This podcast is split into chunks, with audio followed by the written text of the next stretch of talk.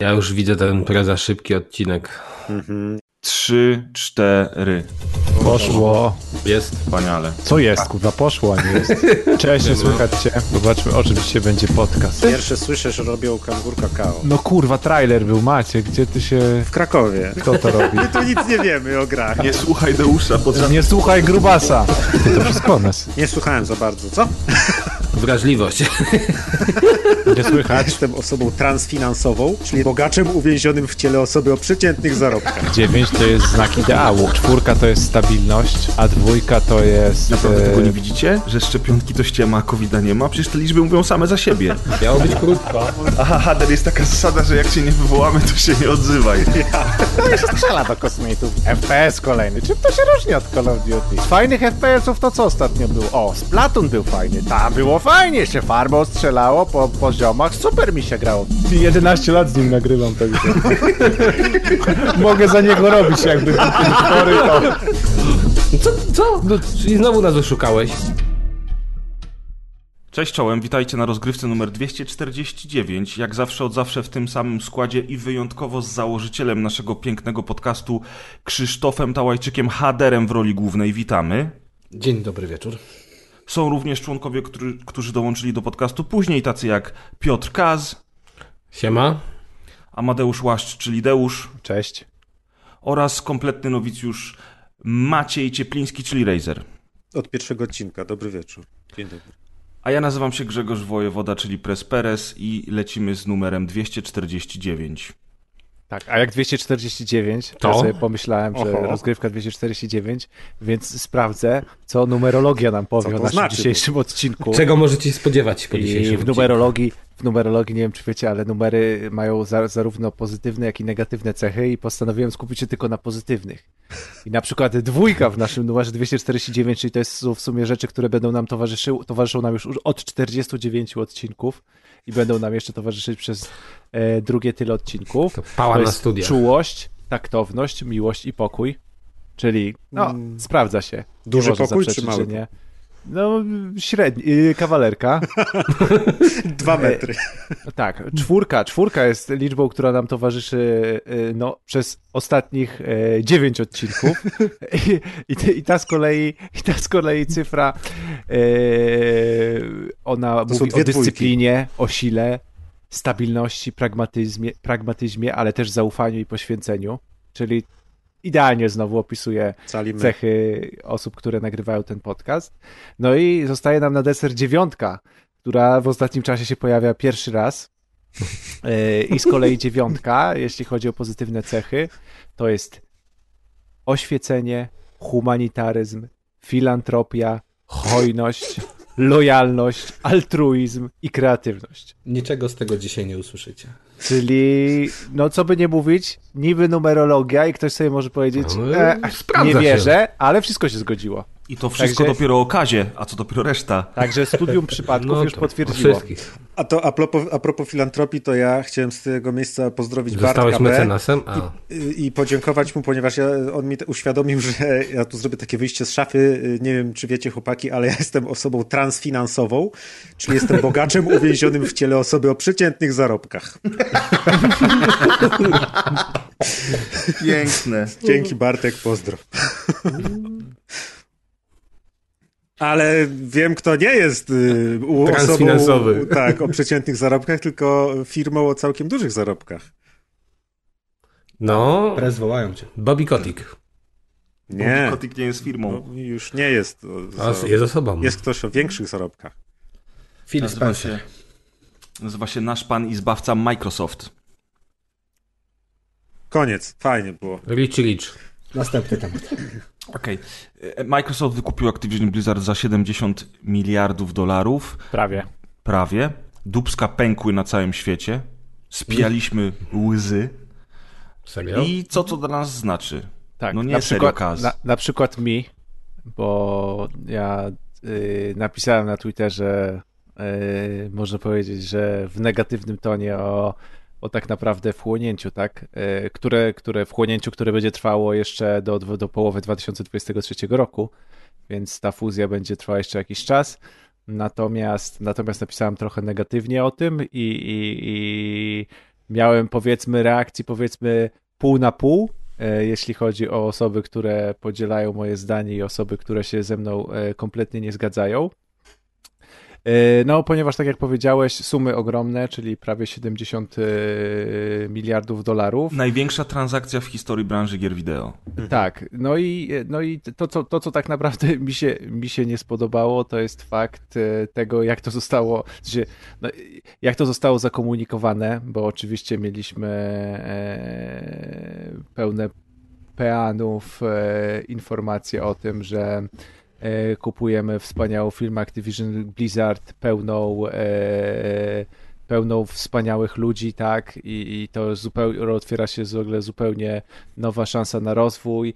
I przynajmniej z mojej strony, z mojej perspektywy, jak na to patrzyłem, to ogromna większość reakcji były, była po prostu taka wow, będziemy mieli Diablo w Game Passie albo przyszłe Call of Duty będzie w Game Passie, będziemy sobie mogli pograć w Call of Duty. I, i trochę, trochę, przynajmniej w moim odczuciu został e, bardzo zaniedbany no, temat tego, co się dzieje w Activision, tak? Czyli tego, że Activision ma kilka procesów z zeszłego roku na karku, z tym największym procesem wytoczonym przez, przez e, ten Departament Sprawiedliwości Kalifornii, no, w którym mamy masę zarzutów, e, masę zarzutów mobbingowych i, i dotyczących kultury, pra, kultury pracy. I nie są to zarzuty, które się tyczą jednej osoby, dwóch osób, czy też dwóch osób, tylko, tylko ten, ten dokument ma 29 stron, jest dostępny publicznie, można sobie tam poczytać o całej tej kulturze e, frat house, czyli tej takiej e, kulturze studencko, takiej kulturze bardzo mocno studenckiej, która jest taka właśnie mobbing, mobbingogenna i tak naprawdę no, no, jak się czyta opisy, które tam są zarzucane Activision Blizzard, to to nie są zarzuty względem jednej czy dwóch osób, tylko no, od jakichś kierowników określonych rzędów, po osoby odpowiadające tam za PR, tak, po osoby, które gdzieś były na targach. Zresztą przez cały ten proces, przez cały zeszły rok, jak, jak się ciągnęła ta sprawa z Activision, to, to ciągle nowe rzeczy wypływały. No łącznie z tym, że się okazało, że tak, że Bobby Kotick yy, o wszystkim tak naprawdę wiedział i, i, i, był na tyle bezczelny, że jeszcze się nawet do tych zarzutów o, o, próbował odnieść nie ze swojego maila, tylko się podszywał, yy, tylko tak naprawdę przygotował, przygotowywał maile, które zostały potem wysyłane z konta praktycznie jedynej kobiety na, na stanowisku, na jakimś wysokim stanowisku, a tak naprawdę maile były pisane przez Bobiego Kotika, więc w ogóle ta sprawa super, śmier super śmierdziała i przychodzi Microsoft, który kupuje który kupuje albo rozpoczyna zakup, tak, Activision Blizzard za prawie 70 miliardów, czyli o 50%, no nie wiem czy przepłaca, ale płaci o 50% wyższą cenę niż aktualnie i niż aktualnie by to wynikało z wyceny akcji. I, i, i już na, na, na stronach biznesowych mówi się o tym, że, że prawdopodobnie jeśli Bobby Kotick odejdzie, jak się ta fuzja zakończy, to odejdzie z tam minimum 300 czy 400 milionami dolarów, o ile nie więcej, w zależności od tego, jakie są w ogóle zapisy za zerwanie umowy. Także osobę odpowiedzialną za taki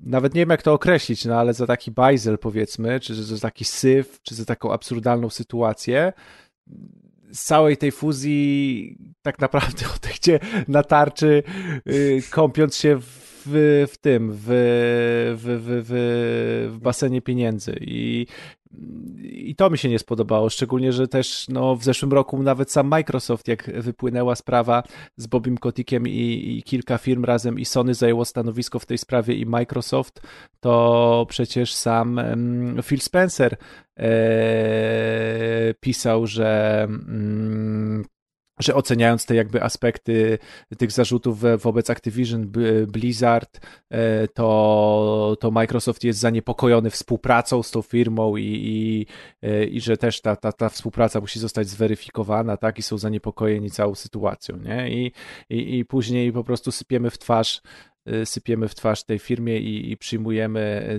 tą firmę, mówiąc, że ona jest pełna wspaniałych pracowników, gdzie tak naprawdę no, w tej stajni jest narobione i tam nie jest sprzątane od lat i, i, i ta stajnia śmierdzi, a wszyscy się cieszą, bo możliwe, że Call of Duty będzie w Game Passie. Nie wiem, jakby ta reakcja była dla mnie nie zupełnie tak- No nieadekwatna dobrze, ale i jakaś taka już odrzucająca. czytałem, czytałem o tym, że Microsoft też ma, no nie wiem na ile to były wiarygodne źródła, że prawdopodobnie no, wywalą Kodika. No tak, Więc tak, jakby- wywalą, tylko że czyli tylko Za trzy lata z kasą. wywalą Z z, No tak, ale no z jakby- 400 milionami Dobra, na koncie to minimum. na przykład według ciebie to co powinni zrobić? W takim, jeżeli chcieliby kupić Activision, to co? Po prostu nie kupować, czy poczekać aż jemu się skończy prezesura? No nie wiem. która Nie, by się nigdy nie skończyła, No bo on właśnie. wcale nie zamierzał odejść. Na przykład zobacz, Jakby ja, że... ja nie czaję, co, jeżeli oni chcieli to zrobić, wykupić tę firmę, to czy to jest samo w sobie złe, czy mieli jakąś opcję inną? Jeżeli chcieliby ją kupić, ale no jakoś to zrobić bardziej fair według ciebie, to jak? Nie mam pojęcia, jak to można rozwiązać sprawnie, ale procesy się tak naprawdę toczą. Ten proces, o którym powiedziałem, to jest jeden z, ponieważ przecież proces wytoczyła oprócz, oprócz, tego, oprócz tego Departamentu Sprawiedliwości, tego głównego procesu takiego mobbingowego i tak dalej, no to chyba proces jest też z, mm, e, e, z Workers of America chyba, e, z jakąś tam organizacją taką pracowniczą, oraz z tą komisją e, papierów wartościowych. Jakoś tak, chyba amerykańska komisja papierów wartościowych e, i tam jest również proces wytoczony, więc, więc tych procesów trochę ma i, i nie, nie mam pojęcia, czy, czy, czy, czy poczekać, aż się jakieś e, rzeczy rozstrzygną i te procesy się rozstrzygną, czy, czy, czy, czy jakieś osoby odpowiedzialne się znajdą i, i, i, i wtedy, nie wiem, jakoś tą, tą fuzję Ale- realizować, ale Ale może właśnie to będzie takie, wiesz, no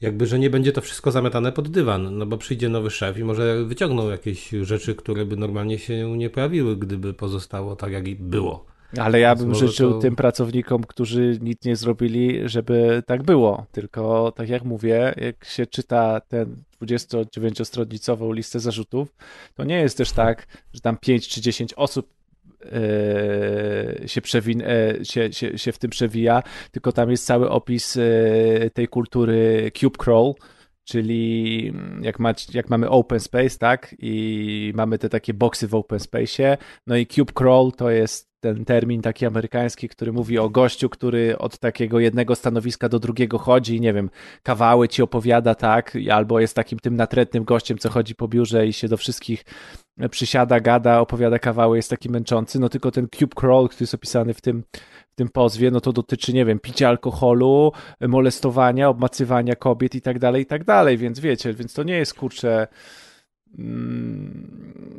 no to nie jest taka sytuacja, że tam jest super, a, a, a parę osób jest winnych i, i, i teraz już będzie sytuacja przejrzysta. Znaczy, okej, Więc- po- y, to nie jest tak, że my tutaj... Nie wiem, czy rozwiązaniem problemu jest po prostu za, w, w, w, zakup za absurdalnie dużą sumę Ale pieniędzy. Amadeusz, ale jeżeli teraz przyjdzie nowa władza, zaczną się porządki, odstawią Kotika, No właśnie. a to jest procesy nadzieja prawda będą trwały, bo są, tak. bo są już w sądzie i to się nie zmieni, to ja nie wiem, gdzie jest problem, bo zobacz, już pierwszy efekt jest taki, że kilka dni po ogłoszeniu tego wszystkiego dogadali się z Ravenem, pozwolili im założyć największy związek zawodowy e, w ogóle w branży i Ja- nagle chłopaki wracają do pracy, wiesz, zaczynają się dobre zmiany, a nie złe zmiany, a dopóki oni tego nie wykupili, to była cały czas jedna wielka dyskusja, a Kotik i tak miał wyjebane.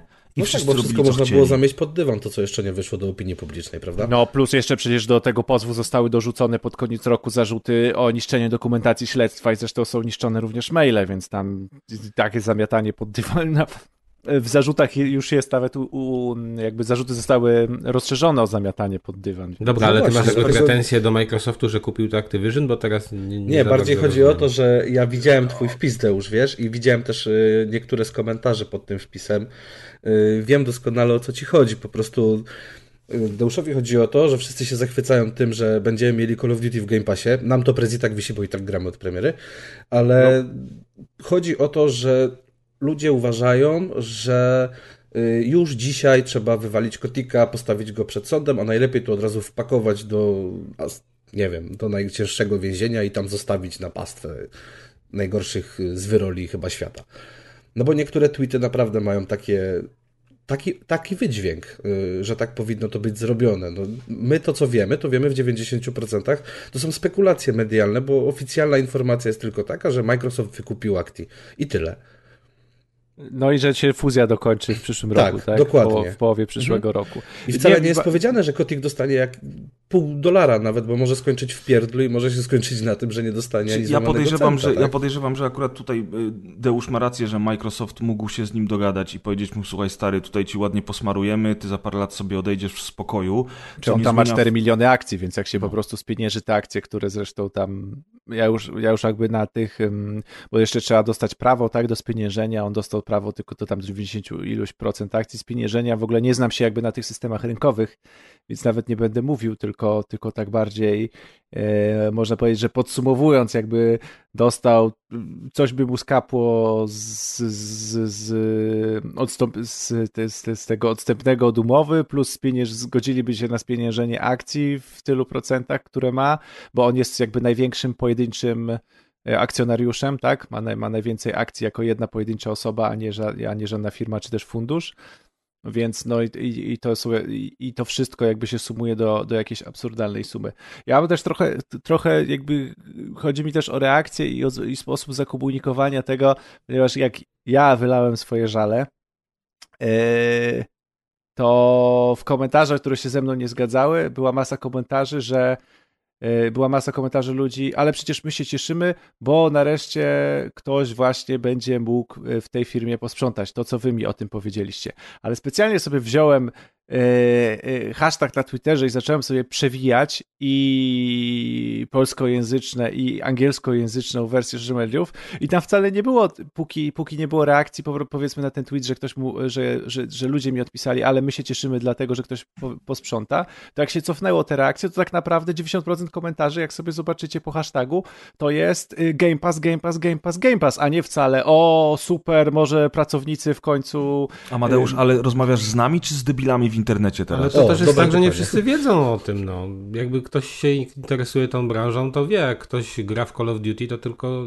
No nie, no, no może w Polsce nie, ale to jest Wall Street Journal i Forbes o tym pisały. W, Aha, no dobrze, no jeżeli ty mówisz o jakichś opiniotwórczych mediach, to no, ja myślę, że mówisz no, w Stanach to jest temat taki, ludzi że to normalnie na jedynkach no, Wall Street jest, Journal było to śledztwo. Dlatego trzeba może pytanie zadać z innej strony, czy Microsoft w jakikolwiek sposób pozwoli sobie teraz zaliczyć w topę w tej sprawie i narazić się na to, że będą po nich teraz wszyscy jechać, skoro sprawa przecież jest od jakiegoś czasu mocno, mocno nagłośniona. Mi się wydaje, że, że jakby ten kij ma dwa końce, bo z jednej strony Activision Blizzard było w tak głębokiej dupie, że dali się wykupić za stosunkowo niewielkie pieniądze, mimo tego, że to największa e, tego typu inwestycja w historii branży. A... No i tak jak mówię, zostali wykupieni za o 50% więcej niż to by wynikało z teraz z aktualnej wartości firmy rynkowej. Tak. Wow, czyli źle powiedziałem tak naprawdę.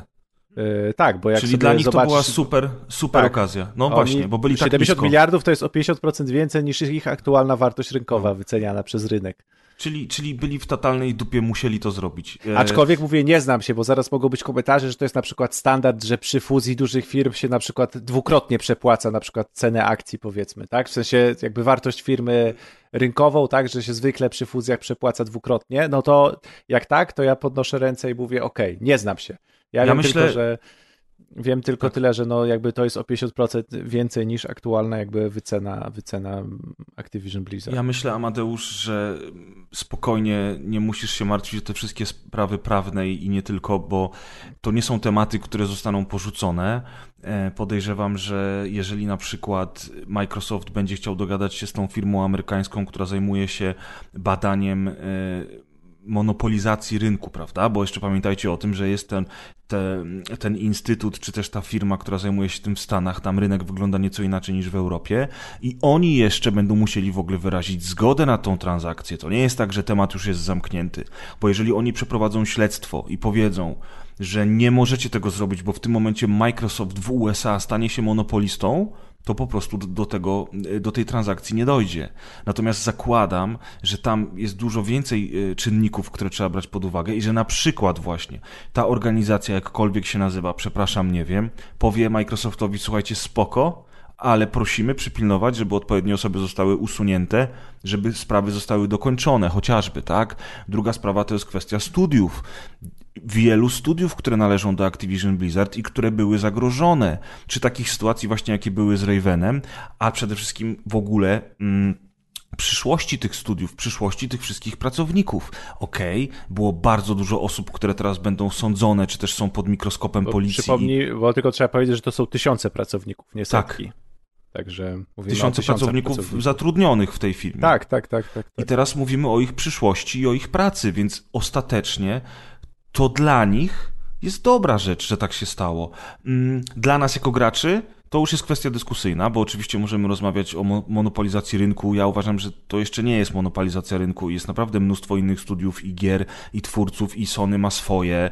Bardzo się cieszę, że fanboye Sony płaczą. To zawsze mi sprawia radość. Natomiast, natomiast jak to wyjdzie w praniu, w ogóle nie to wiem. sprawia radość, jak ludzie jak, jak ktoś płacze. Tak. Zwłaszcza w takie dni jak dzisiaj, które są chujowe. już w ogóle wtedy się cieszę. Natomiast, e, natomiast ogólnie rzecz biorąc, to wiecie, mm, ja się cieszę, bo na przykład z perspektywy Call of Duty to jest dobra wiadomość, dlatego że ogólnie fanbase Call of Duty e, mówi o tym, że za czasów, kiedy to Microsoft zarządzał serią jeszcze kilka lat temu, zanim tę ekskluzywność czasową przejęło Sony, bo pamiętajmy o tym, że Microsoft miał ekskluzywność czasową na wiele elementów Call of Duty za czasów Xboxa 360, Mm, to, że teraz jakby jeżeli, jeżeli Call of Duty wróci pod skrzydło Microsoftu, to znowu będą lepsze czasy dla Call of Duty, no bo teraz obecnie marka jest uważana za naprawdę e, nisko lecącą po tym wszystkim, co się zmieniło. Do tego mamy cały ten Activision, tfu, cały ten Blizzard, ich rzeczy, ich problemy, wiecie.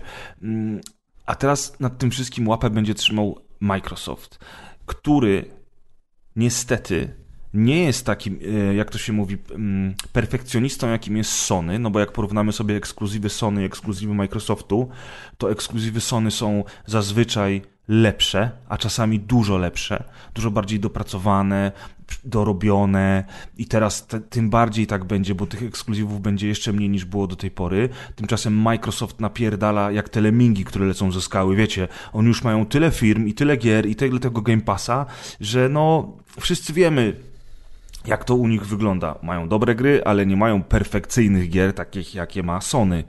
E, chciałbym, żeby to się zmieniło i żeby oni właśnie na przykład wzięli takiego Blizzarda na kolanko i powiedzieli, dobrze, a teraz Blizzardziku będziesz nam nakurwiał najlepsze gry, jakie w ogóle Teraz macie 15 mieliśmy. lat na zrobienie jakiejś gry. nowego. To u was dobrze kodzi. Jeden typ. Znajdźcie trzech. Wołajcie Krzyśka. Krzysiek z trzeciego niech przyjdzie. Ja nie jestem Tylko pewien, kodzić. ja nie jestem pewien, czy Sony tak dobrze, tak super e, robi w ekskluzywy. Przypominam sobie na przykład taki jeden e, z pierwszych ekskluzywów na PS3, na przykład Ler, który wyglądał no bardzo słabo. I takich e, wpadek to było wybierzesz dużo. naprawdę. A moim zdaniem akurat Microsoft robi całkiem niezłe gry, tylko że ja mam na przykład inne spostrzeżenie, bo powiem szczerze, o ile w ogóle mnie nie jara Activision i ich marki, y, łącznie z Blizzardem, y, sądzę, że dużo w tym zakresie się nie zmieni, bo jedna i druga korporacja bardzo mocno stawiały na no na popularność, na, na popularne marki obecnie rzadko się pokusiły o o jakieś, nie wiem, wskrzeszanie czegoś, co było wcześniej, chociaż ostatnio Crash może być takim powodem do zadowolenia, to ja bym się obawiał jednej rzeczy, bo o ile tutaj mówię, nie mam nic przeciwko, to jeżeli byłoby coś podobnego, ale w kwestii Nintendo, to już bym się bardzo obawiał, że wiele właśnie marek Nintendo, wiele ich pomysłów by po prostu zostało przemielonych przez tego molocha i no ta kreatywność jednak by się pewnie zmniejszyła. I tego bym się bał. Microsoft jak do tej pory udowodnił, że te studia, które wykupił czy też stworzył, mają pewną dobrowolność w tworzeniu e, i mogą robić co chcą. Ale mimo wszystko bym się tego obawiał, bo to, że teraz tak jest, to nie znaczy, że tak będzie w przyszłości, więc. Czy jasne, tylko że na Chciałbym jeżeli... po prostu pewnej niezależności dla niektórych marek. No wiadomo, i... zwłaszcza dla takich, tyle. które ty lubisz, ale na przykład zwróć uwagę na to, że Nintendo tak naprawdę też narzuca z góry swoje czynniki i zasady. I kto wie, czy gdyby Mario znalazło się na Xboxie, nie byłoby takim wyzwolonym, wyzwolonym gore slasherem z, z golizną, którym zawsze mogło być, a nie jest tylko tłamszony. No, znaczy to, to nie chodzi o zasady, gra dla dzieci chodzi wiesz. jakby o, te, o postrzeganie rynku, o, no nie wiem, pewną kreatywność. Ja wiem, że Nintendo narzuca pewne rzeczy, ale akurat te rzeczy, które Nintendo narzuca, często idą w zgodzie z moimi gustami. E, A z tego, co widziałem e, często u Microsoftu, czy u, u akurat Activision, to, to nie są moje gusta, więc z tego Jasne. względu miałbym pewne obawy i, i, i tego właśnie chyba się najbardziej obawiam, że te, tego typu studia też będą kiedyś wykupowane przez takie molochy. A słuchajcie, ja mam pytanie, e, bo jakby wszystko już tutaj żeśmy praktycznie poruszyli, co było do poruszenia. Natomiast jak myślicie, czy rzeczywiście będzie tak, jak powiedział pan Spektor, że e, marki typu Call of Duty nie będą ekskluzywami i będą wydawane również na Sony, a to z tego względu, jak wiele osób Znaczy, spekuluje, że wiesz, te Już są plotki, mikrotransakcje... że przez najbliższe 3 lata, nie? Jeszcze. No właśnie. I chciałem Może właśnie jakieś deale są. są Jak nie sądzicie? Bo, Plus, bo plus, plus ci sami twitterowi plotkarze mówią o tym, że Call of Duty przestanie być grą coroczną, tak? na Czyli szczęście, nareszcie, to jest kolejny dobry news. coroczny To jest kolejny dobry news przy okazji tej transakcji Microsoftu. Zaraz po tym, że Raven przestał strajkować. Właśnie, to jest świetna rzecz, jeżeli to nie będzie coroczne wydawanie tasiemców. Mm, Natomiast pytanie dalej pozostaje. Czy właśnie po 2023 roku nie okaże się, że na PlayStation zostanie tylko Warzone 2, który pojawi się na końcu tego roku? A cała reszta, czyli multiplayer, single player i wszystkie inne tryby, które w Call of Duty są dostępne, będą ekskluzywne tylko i wyłącznie dla, mm, dla platform Microsoftu. A dlaczego? Dlatego, że największa ilość pieniędzy jest jak zwykle od wielu lat, tak samo jak my, jak zawsze, od zawsze w tym samym składzie, jest w mikrotransakcjach. A ponieważ e, 60 milionów graczy Warzone pakuje grube pieniądze w Battle Passy, skórki i tak dalej, to zabranie im multiplayera nie, nie spowoduje likwidacji tych mikrotransakcji, bo gracze na PlayStation grający w Warzone dalej będą mogli sypać pieniędzmi w konsolę. Tylko pytanie brzmi, czy to się rzeczywiście Microsoftowi opłaci w sytuacji, w której jeszcze przez wiele lat na rynku użytkowników konsol PlayStation będzie więcej. Jak myślicie? Krzysiek. Ja myślę, że do niczego takiego nie dojdzie i nie będzie ekskluzywności Call of Duty na, na Xboxach. Koniec wywodu. Okej. Nie, no Ja- nie ma. Słuchaj, to jest za dobrze sprzedająca się seria. Pomimo tego, że ludzie. A to nie jest tak, że ta seria się sprzedaje, przepraszam, że wejdę słowo, że ta seria Chodź, się chodź. sprzedaje super w Stanach, bo się sprzedaje, a Stany to jest głównie... Nie, mistrzu. Call of Duty na całym tylko. świecie sprzedaje się jak popierdolone. I ilość pieniędzy, które generuje ta marka co roku jest zatrważająca. Od dekady, Dlatego, no, dlatego nie będzie czegoś takiego jak ekskluzywność, prez. Myślę, nie ma na to nawet szans. No, no albo na przykład taka trzeba FIFA, pisać, nie? Żeby FIFA, było prawda, pisane, na, no. na, jeszcze raz, przepraszam. Ale trzeba o takich rzeczach pisać, żeby było pisane i żeby się klikało. No.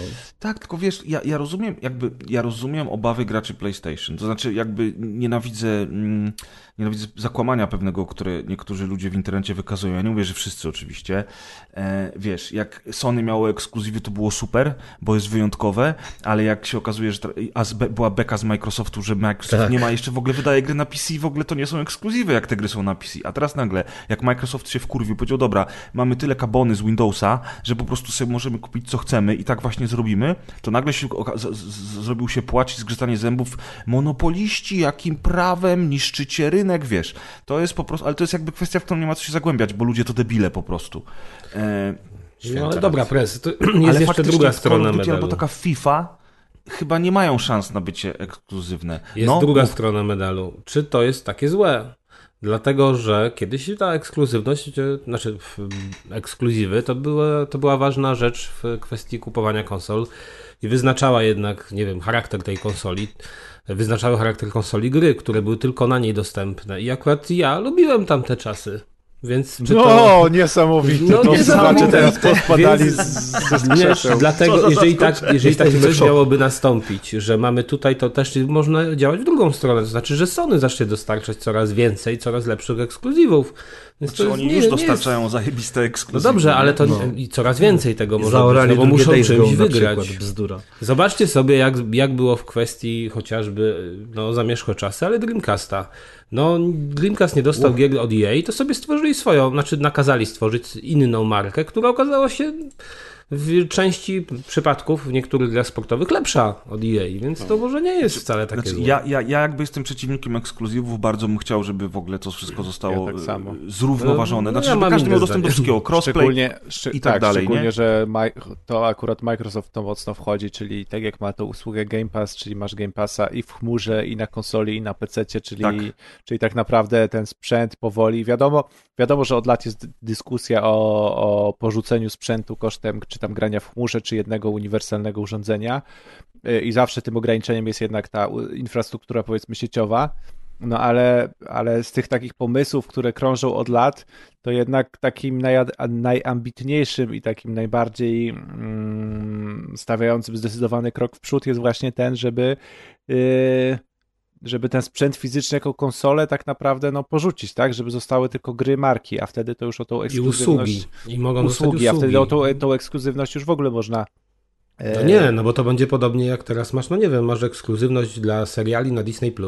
No i tyle, będziesz miał ekskluzywność dla, nie wiem, dla gier na platformie Tak, Microsoftu. tylko, tylko to już będzie dużo bardziej znośne w momencie, kiedy Disney Plus kosztuje 40 zł, a jak chcesz obejrzeć, e, oczywiście jeśli by było w Polsce, a będzie w te wakacje, natomiast a chcesz obejrzeć inny serial na Netflixie, to cię nie boli wykupienie na miesiąc, czy też mieć usługę No Netflixa tak. za 40 zł. A w Uncharted, to momencie, sobie kupisz miesiąc masz, a, tak, a w momencie, kiedy masz, e, chciałbyś zagrać w e, ekskluzywa Re- Returnal, ale w ogóle nie kupisz PS5 w sklepie, Nawet jakbyś chciał i by cię było i nawet stać. jakbyś chciał, a, a, a tak to na przykład musisz y, ce, ceną startową to jest, nie wiem, 3000 zł, tak, za konsolę, więc kiedy ten sprzęt jest tą, um, tą przeszkodą, na którą napotykasz tą barierą. W momencie, kiedy to będzie usługa, czyli na przykład będzie abonament do uniwersalnej skrzynki, czy nawet do aplikacji na telefonie, to dla mnie zupełnie nie będzie problemem kupić w jednej usłudze, w sensie abonament czy grę i w drugiej usłudze, kiedy nie mam tej zapory sprzętowej.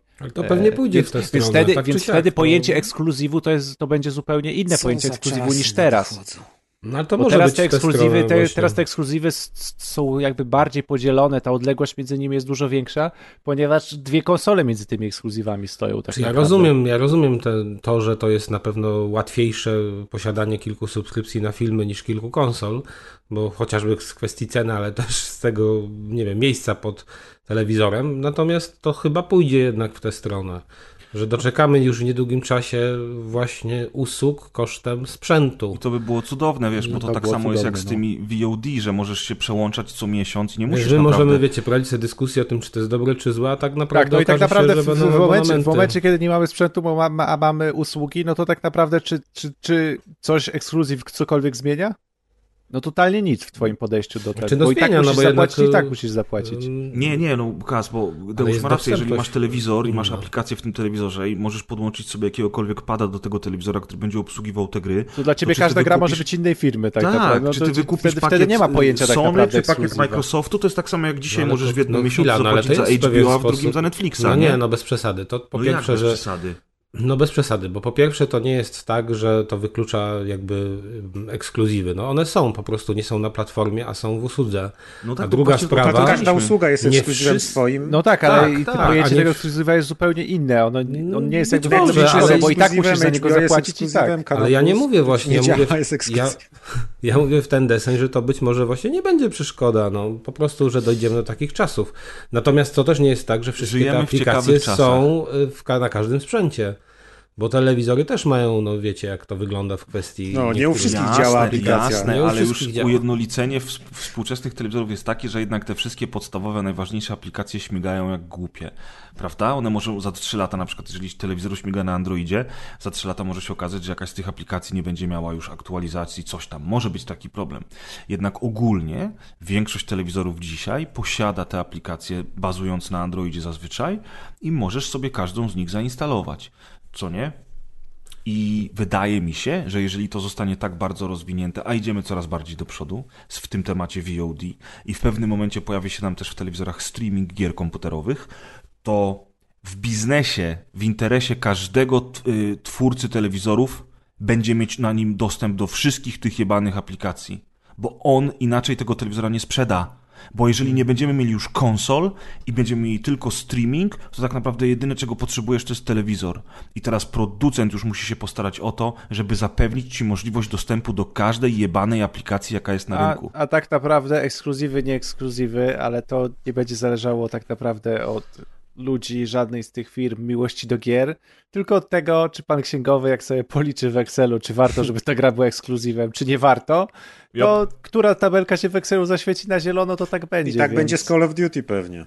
Więc i tak podobnie będzie z Call of Duty. No to chociażby to, co Sony teraz, z, y, co się w ostatnich kilku kilkunastu miesiącach stało z Sony i z, z tym, że wszystkie praktycznie ekskluzywy trafi, trafiają, traf, trafiło już duża część, a i, i nowe będą również trafiały na PC-ta i się w ogóle super sprzedają i, i pieniążki na, na koncie rosną i się okazuje, że w ogóle okopywanie się w ekskluzywach jednak mm, to już nie są ekskluzywy, jak są na PC, tak, Nie było, nie było, nie było, y, jest powiedzmy mniej opłacalne niż puścić y, dodatkową wersję na, na PC-ta.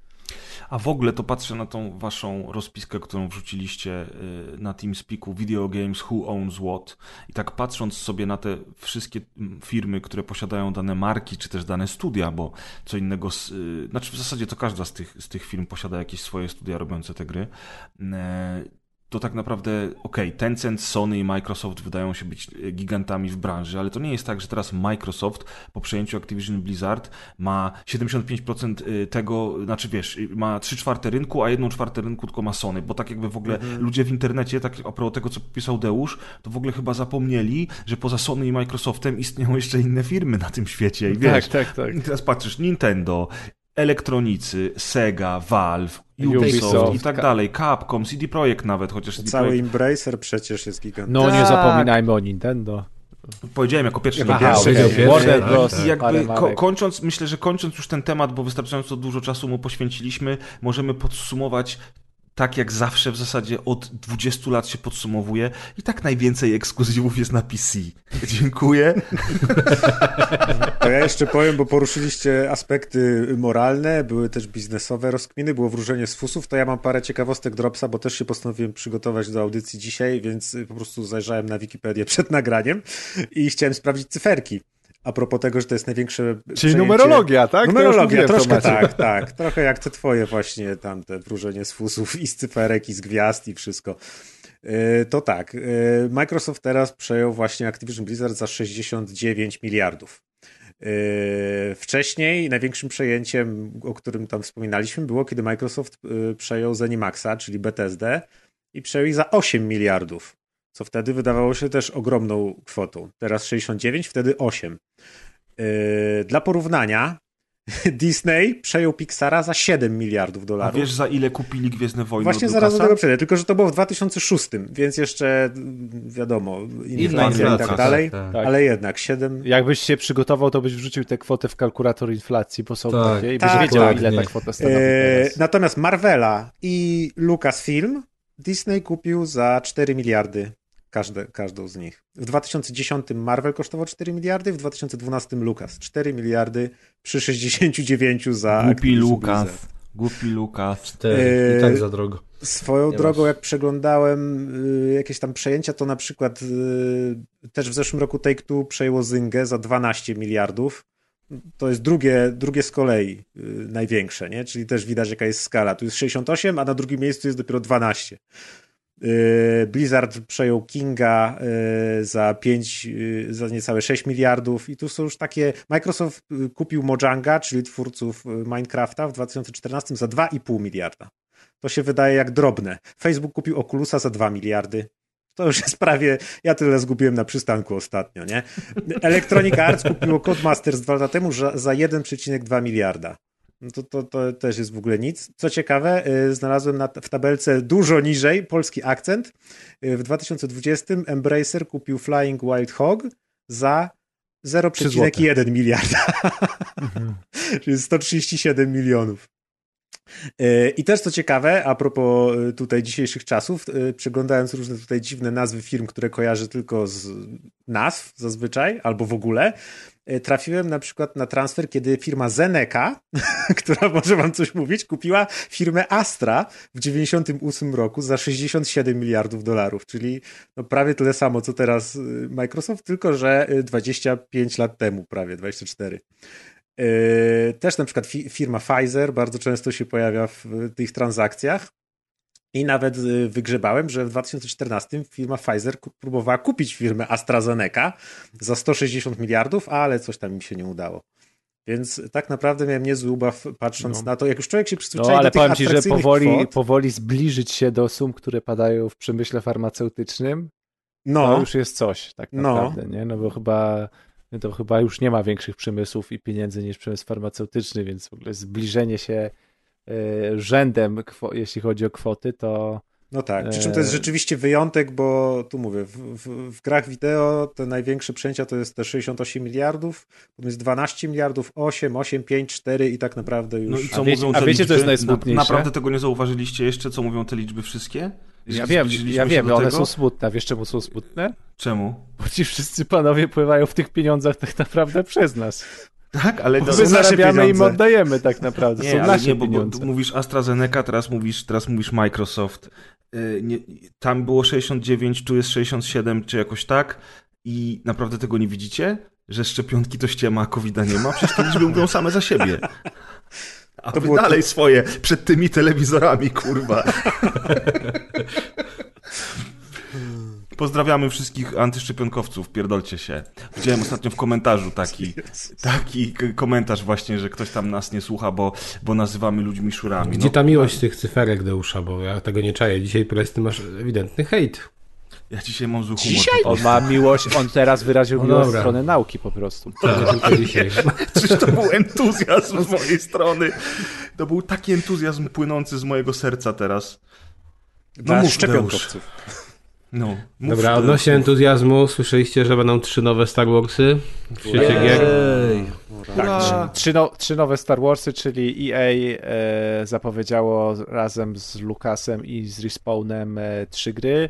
Pierwsza, czyli, Star, e, czyli kontynuacja Star Wars Jedi Fallen Order, czyli tej y, bardzo średniej gry z, sprzed dwóch, nie, sprzed trzech lat już w sumie, tak? To okazała się dla Deusza zbyt łatwa, Jednej żeby z wielu gier, jakie EA zrobiło, uzyskując ekskluzywne która prawa się, do robienia Która była nudną grą, natomiast ludzie się ekscytują, bo im się podobała i plotka mówi o tym, że to jest nawet e, czwarty kwartał tego roku, jeśli chodzi o premierę, że to może być nawet czwarty kwartał tego roku. Pożyjemy, zobaczymy, ale raczej nie. Drugą grą jest e, jakiś first person shooter, i tutaj e, na czele tego projektu stoi Peter Hirschman i to jest pan, który między innymi odpowiadał za pierwszego Battlefronta. Ale pierwszego nowego czy pierwszego starego? Pierwszego starego, pierwszego o, starego. OG. Battlefronta. No i trzeci, trzecia gra to jest strategia e, i tutaj e, to robi to nowe studio Beat Reactor i tam jest szefem tego studia jest Greg Foerch, Foerch jakoś tak się czyta to nazwisko. Mam nadzieję, że bardzo mocno nie kaleczę. Wszystko to jest, powiedz po i to jest I to jest pan, który robił e, Enemy te, e, X-Koma e, tego nowego, w sensie Enemy Unknown, tak? No, nie, ten to jest stary chyba. Aha, no, jest... no, ale mówimy o tym nowym O, te, o tych nowych XCOMach okay. mówimy, tak. Ej, właśnie mi się przypomniało, że w Game Passie są, jest ten XCOM z y, Transformersami, miałem w niego zagrać. Jest, jest. Boże, Muszę go sprawdzić wreszcie. No. Tak, czy na którąś z tych gier czekacie szczególnie? Ja mam tylko do powiedzenia tyle, że na tą informację o FPS-ie to wszyscy fani Titanfalla zapłakali i, i tyle. E, było też powiedziane, że mm, tym FPS-em może być prawdopodobnie kontynuacja Republic Commando. Commando. Co ale, to, troszeczkę... to, ale to chyba nawet nie ma charakteru plotki, tylko już życzeniowego głosu tak, internetu. Tak, tak, tak, tak, oczywiście, że tak. Natomiast wiecie, no, no na co my możemy liczyć? Jeżeli y, Jedi Fallen Order 2 będzie, no to super. Ja lubię Jedi Fallen Order. Mam nadzieję tylko, że nie będzie już więcej walk ze ślimakami, bo szanujmy się. Podstawa. A nie no jak, potężny Jedi. Pingwiny przeżyłeś, to i ślimakom dasz radę. Już dałem właśnie, o to chodzi. W każdym razie, w każdym razie jeżeli chodzi o, o tego FPS-a i strategię, to po prostu nic nie wiemy. To więc będzie Rebel Assault 5. Czym tu się ekscytować? Fajnie, że coś się dzieje, ale dajcie nam więcej informacji, nie, no, to świat Star Wars, świat Star Wars, świat Star Wars rozbudowujemy, tak? Nie, tam ile Ten można te Star Wars. Uwielbiam Preza, który nie lubi Gwiezdnych Wojen i w ogóle. Eee, Star Wars, pff, co to w ogóle jest? A może Empire at War, drugie? Fajnie by było. Taka Nie, nie hardkorowa sądzę, strategia. wiesz, bo nikt już tutaj nie pamięta Empire at War, a poza tym Empire at War opierało się o Myszkę. stary kanon. Jezu, nikt Więc nie Disney- pamięta Empire. Boże, jaki ja stary się czuję. Disney nie pozwoli na to, żeby wracać do starego kanonu, także tak, spokojnie. ale nawet w formie legend mi się wydaje, że... Nawet w formie tam legend. Zrobią ten nowe, nazwą to Empire at War, bez niczego, żeby się myliły te tytuły i zrobią o nowy, będziesz grać tą Rey z, z. No właśnie na szczęście oni od tej Rey i od tej całej nowej trylogii strasznie mocno uciekają w każdym możliwym Dziwisz się? aspekcie. No nie, Obejrzeli, byli w kinie i sobie pomyślali, dobra, Co wy, gówno jak się Panie. przylepi, to łatwo się nie ucieknie. Panie, ale ktoś tu panu spierdolił. W każdym razie, dobra, y, Gwiezdne Wojny, super, wow! Idziemy dalej z tym gównem, bo ja już chcę kończyć to nagranie. Krótkie nagranie miało być dzisiaj, pamiętamy. Y, Wyszedł bardzo króciutki teaserek kolejnej gry Bomb y, Rush Cyberpunk, czyli duchowego następcy Jet Set Radio, a tak naprawdę w ogóle niczym klona, albo prawie gry wyglądające jak oficjalny następca tamtej wspaniałej serii. I y, coś, z czego wcześniej nie zauważyłem, że w grze poza jazdą na rolkach będzie również deskorolka, czy deskolotka bardziej nawet, i BMX-y. E, No i wygląda super, dalej nie ma żadnej daty premiery, więc trzeba czekać, ale to jest jedna z tych gier, które wyglądają jak naprawdę y, rzucone do nas przez tunel czasoprzestrzenny z wspaniałych lat, kiedy kiedyś to było i teraz mamy szansę Mhm, dotknąć tego, co, co kiedyś było już nie ma. W ogóle poprosimy więcej BMX-ów w grach. To jest taki super środek transportu, takie fajne gry można robić, a w ogóle, w ogóle BMX-y są zaniedbywane przez No Cliff Bleszyński ostatnio próbował i chyba tak się na tym wyrąbał BMX-ie, że już nikt się nie tyka tego pomysłu. A, mówisz o pewnie. tym MMORPG, tak? Tak, w sensie, znaczy to nie, o, to Battle był e, ten. Battle Royale. Battle Royale. Tak jest. Ten gatunek umarł wraz z Dave'em Milą. XXX. Battle Royale czy BMX? Nie, BMX. Battle Royale to już na. Gdy, to by były dobre czasy, gdyby Dave Mira wziął ze sobą Battle Royale, ale na niestety odszedł sam. On już niestety nic ze sobą nie weźmie, ale... Widzę, że powstaje też nowa gra Kangurek Kakao 2022. No i to jest właśnie news dekady, no. Póki Ale, co. przecież, ale to nie jest, to jest, to jest stary news, przecież ten kangurek KO, informacja o tym, że on powstaje, Kakao. to już są nie wiem, Kakao. Co najmniej Dobrze, rok, ale oprócz dwa? informacji uzyskaliśmy bardzo fajny trailerek, y, który wskazuje na datę y, 2022, chyba nawet na lato, i który wygląda po prostu jak giereczka, znaczy jak wspomnienia o grach z PS2. Y, Jak ja platformówka tak z PS2 odczuwam. wygląda, tak? Czyli super. Ale oczywiście wygląda Ale w nowszym no, wydaniu. W nowszym wydaniu nie wygląda to jak remaster, wygląda jak coś nowego, coś świeżego, jest kolorowo, ładnie. Y, Nie wiem, mam wrażenie, że nie jest proceduralnie, czego nie lubię i y, czekam. Zaskoczenie miłe dzisiejszego wieczoru. Trzymam kciuki, żeby ci się spodobało i żeby wyszła z tego dobra gra. Kangurek Kakao 2022.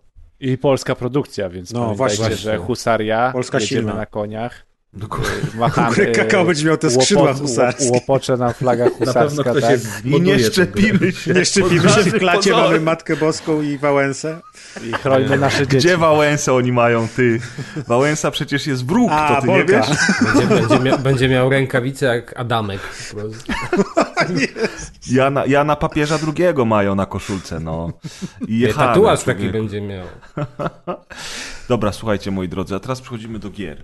No nie. Pierwszą grą dzisiejszego odcinka, o której powiem ja oraz Hader, e, jest Tom Clancy's Rainbow Six Extraction. Bardzo Aha, duży a tytuł. przed waszą recenzją a propos e, Tom Clancy Rainbow Six Extraction mogę powiedzieć między innymi czemu nie zagrałem w, w Tom Clancy Rainbow Six Extraction przez No dobrze. tydzień, ale po tygodniu już mogę zagrać? Opowiadaj, oczywiście. Taki szybciutki off-topic, bo nie wiem czy wiecie, ale żeby zagrać yy, w Rainbow Six Extraction e, wykorzystując usługę Game Pass, musicie mieć spięte swoje konto Xboxowe z kontem Ubisofta.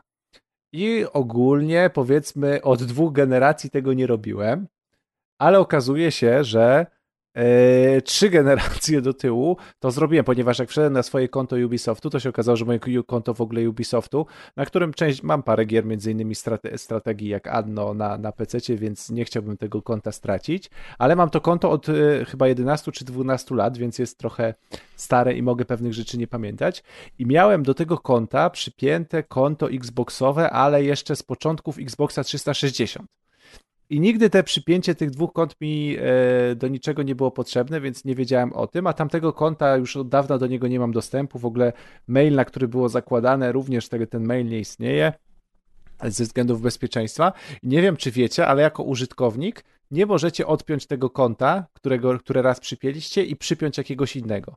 Jedyna rzecz, którą jako użytkownik możecie zrobić, to możecie odpiąć konto, a później możecie przypiąć dokładnie to samo konto. No ja. Czyli nie można, tak, nie można zmienić konta i e, e, szukałem odpowiedzi w internecie, aż w końcu postanowiłem e, napisać na support Ubisoftu, a wiecie, że teraz e, e, na supporty się pisze bardzo trudno, bo nim się, nim e, jakakolwiek strona, to już akurat nie tylko jest przypadek Ubisoftu, ale w ogóle każdej większej firmy obecnie, że nim w ogóle jakikolwiek będziesz mógł e, mieć, uzyskać formularz kontaktowy, to najpierw musisz się przedrzeć przez fuck you, który, e, przez e, pytania, które, które niby mają rozwiązać twój problem i póki nie wyklikasz, że jednak te pytania nie rozwiązują twojego problemu, to nie możesz się skontaktować z nikim. W każdym razie napisałem tiketa i moje zapytanie wisiało około tygodnia na moim koncie, jako takie, można powiedzieć, no, zawieszone w próżni, aż postanowiłem wylać swoje e, lekki żal na Twitterze e, i czy, czy, czy w ogóle e, czy w ogóle mm, ten, ten support Ubisoftu działa i po ilu się można spodziewać odpowiedzi.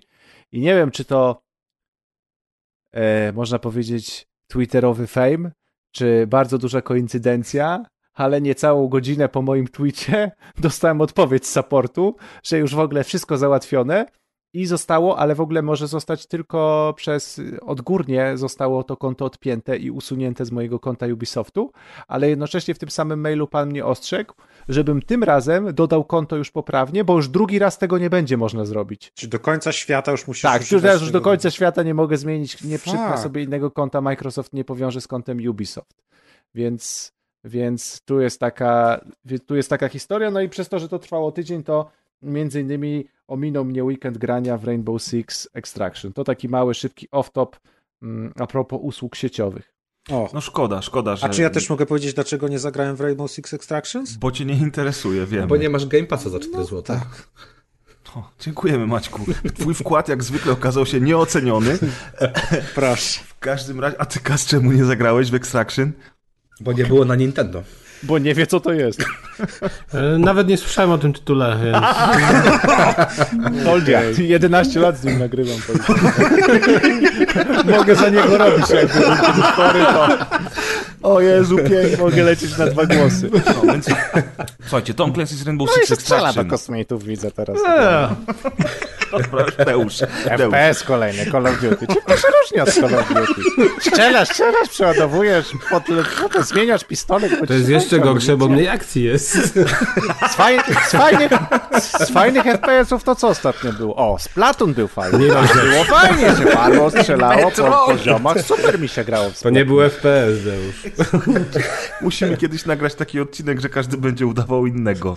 To jest dobre. To jest piękne. No dobra, słuchajcie, do brzegu, bo dzisiaj miało być krótko, a już ile my mamy nagrane tego gówna? 51 minut! Oszaleliście!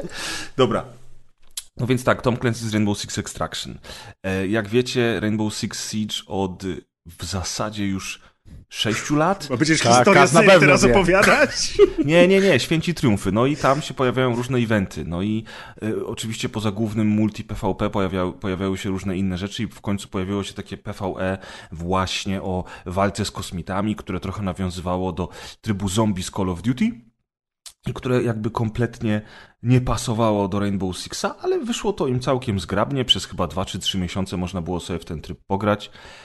Po czym e, został on wycofany z gry, bo oczywiście zajmował za dużo miejsca, a przez konsolarzy niestety wszystko trzeba usuwać z tych gier, tak jak to było w Destiny 2, mm, bo miejsca na dyskach brakuje. No i generalnie rzecz biorąc, e, dostaliśmy informację, że to Extraction jako osobna gra, która wtedy miała nazywać się jeszcze Quarantine, powstanie sobie jako taki standalone spin-off, który niedługo ukaże się na konsolach i PC. Oczywiście nie ukazał się przez wiele lat, produkcja trwała długo, w międzyczasie pojawił się COVID, więc zmieniono nazwę z Quarantine na Extraction, bo studio stwierdziło zresztą słusznie, że Quarantine może się w dzisiejszych czasach źle kojarzyć. No i nikt za bardzo jakoś szczególnie ani nie czekał na ten tytuł, ani nie liczył na to, że on będzie wyjątkowo udany.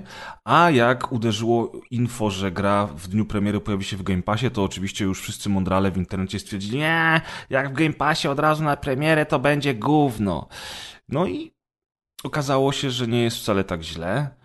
E, myśmy pograli, e, Hader grał ze mną krótko, ja grałem trochę dłużej, bo ja grałem w zasadzie codziennie od premiery i opowiemy wam e, w kilku słowach o tym projekcie. To jest multiplayer, znaczy to jest kooperacja PvE na trzy osoby, która przenosi operatorów oraz większość ich zdolności z gry Rainbow Six Siege i wprowadza je w ten świat misji kooperacyjnych, w których dostajemy losowo generowane zadania na rozbudowanych, dużych mapach dziejących się na czterech miejscach y, świata. Y, łącznie tych, tych map jest 12, każda podzielona na trzy etapy, więc one są naprawdę duże. Nie, kłamie. Y, łącznie sekcji jest cztery, bo mamy Nowy Jork, San Francisco, Alaskę i jeszcze czwartą lokację, która nie ma nazwy. I w każdej z tych lokacji są trzy mapy, czyli łącznie tych map jest 12. Znowu źle mówię, czy dobrze mówię, Hader? To nie jest wy... znaczy, nie. Z tą trójką to ci się uwaliło to, że na każdej mapie masz trzy misje do wykonania. A każda są... misja jest podzielona na trzy sekcje. Tak. No. Czyli, Czyli to jest 36. Trzy silnia, tak? Tak. Czy trzy do trzeciej?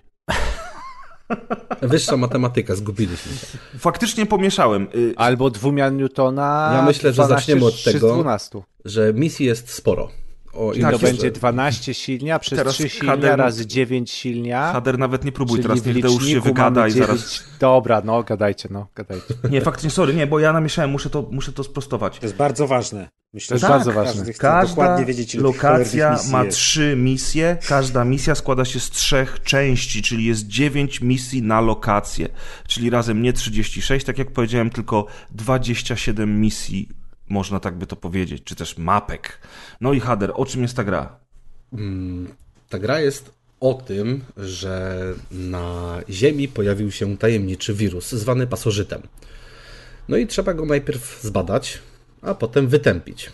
I generalnie na tym opierają się misje, które nas, które nas czekają w tej grze. Bo Mechanicznie y, mamy 18 operatorów z oryginalnego Siege, to o czym wspomniałeś, y, jeżeli chodzi o poprzedniego, o Rainbow Sixa. Y, dorzucili im po prostu nowe, nowe gadżety, mm, czyli przeszły, przeszli taki lekki, fajny tuning, żeby to wszystko się fajnie zgrywało. Wyruszamy w trzech. Ważne jest to, żeby każdy miał inną klasę, ka każdy z graczy miał inną klasę, bo przychodzi moment, w którym jest potrzebny zarówno medyk, jak i zwiadowca.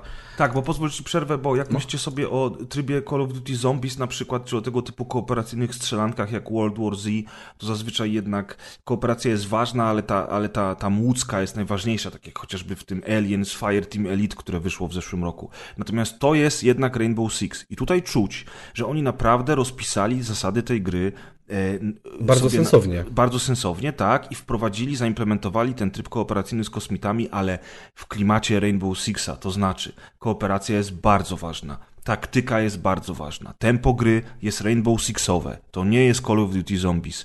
I naprawdę musimy tak dobierać operatorów, żeby oni się swoimi zdolnościami nawzajem Dobra. uzupełniali. By przerwę na chwilę.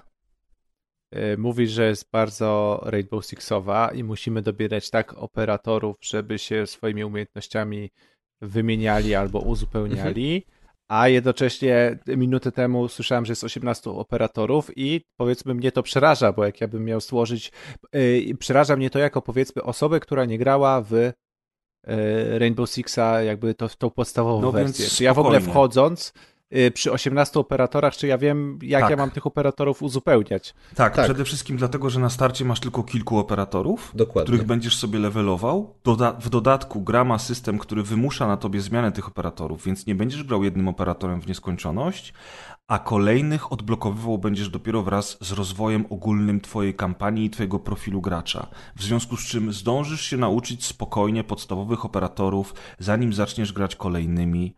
I wszystko jest na tyle fajnie wytłumaczone, każda mm, zdolność każdego operatora pokazana, że nawet jeżeli nie, nie znasz gry Rainbow Six Siege, to poradzisz sobie bez problemów Extraction. Tak, bo to jest też tak, że tych 18 operatorów tutaj jest, ale to nie jest tak, że to jest też 18 klas postaci, bo już na samym początku masz dwie osoby, które będą odpowiedzialne za y, leczenie pozostałych członków drużyny. Więc y, no wczoraj mieliśmy nawet taką sytuację przecież jak graliśmy, że ja brałem postacie leczące, ale tracąc życie, bo nie, do, nie ma szans, żebyś dotarł z maksymalnym HP, z, maksymal, z maksymalną ilością HP do końca, y, nie mogłem tych postaci w końcu wziąć na kolejną misję i Tak, w pewnym momencie jeżeli- lekarzem musiał zostać na przykład właśnie pres. Tak, bo jeżeli, jeżeli otrzymasz damage w trakcie misji, a zazwyczaj otrzymasz ten damage, tak jak Trudno nie otrzymać. bo ta gra jest dosyć wymagająca nawet na najniższym poziomie trudności, a poziomów trudności łącznie są cztery, mm, to mm, twoja postać jest ranna.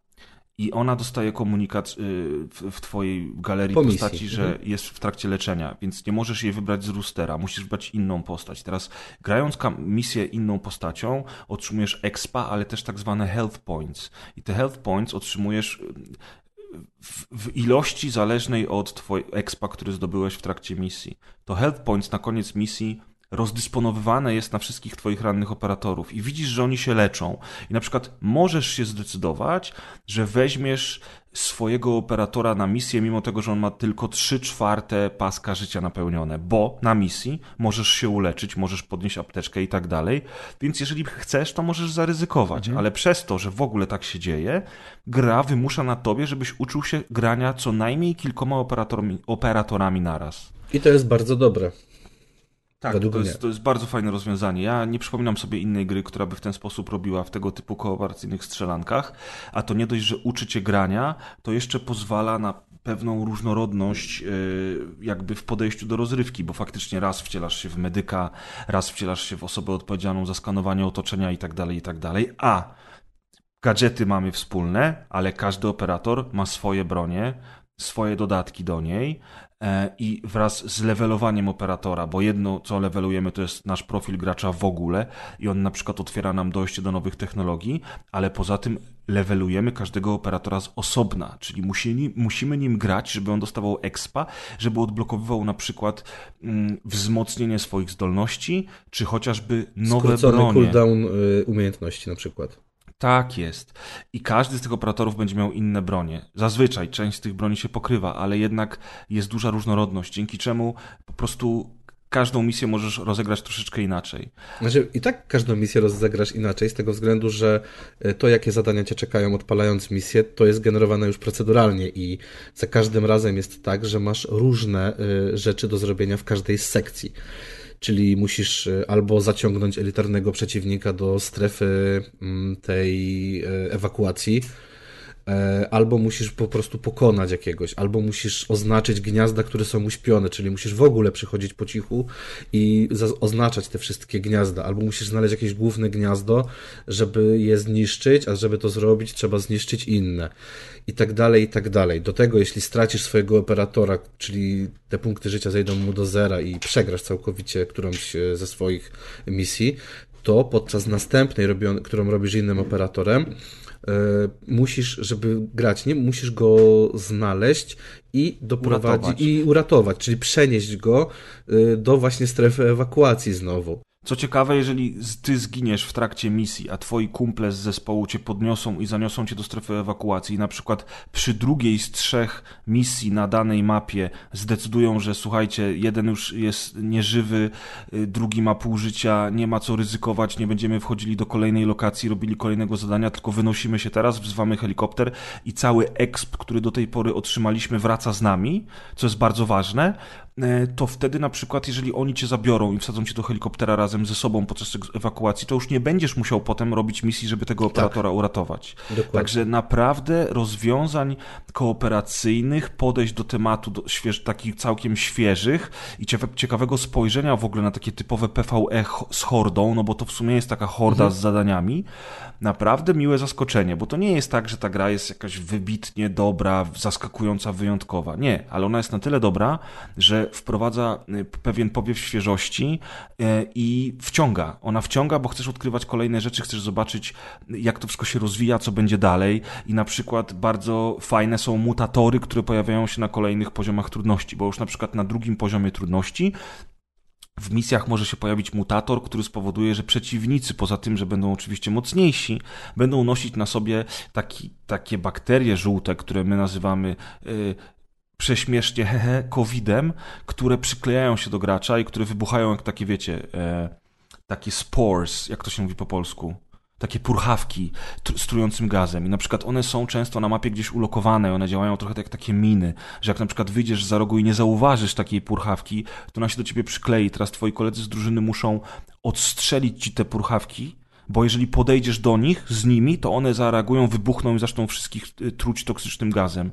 I teraz na przykład na drugim poziomie trudności jednym z mutatorów jest właśnie takie coś, że przeciwnicy będą te purchawki nosić na sobie i wtedy okaże się, że żaden z nich nie może do ciebie podbiec zbyt blisko, na przykład jeżeli masz shotguna i strzelasz do nich z bliska, bo w tym momencie nawet jeżeli przeciwnika zabijesz, to ta purchawka zdąży przeskoczyć z niego na ciebie. I takich modyfikacji jest oczywiście więcej, co bardzo e, urozmaica rozgrywkę. Nie wspomnę już o mapach, które są piękne oczywiście, jak tu w Ubisoftie. Niektóre lokacje, chociażby jak Liberty Island w Nowym Jorku, są wzięte żywcem z, z prawdziwego świata i oczywiście odpowiednio zmodyfikowane.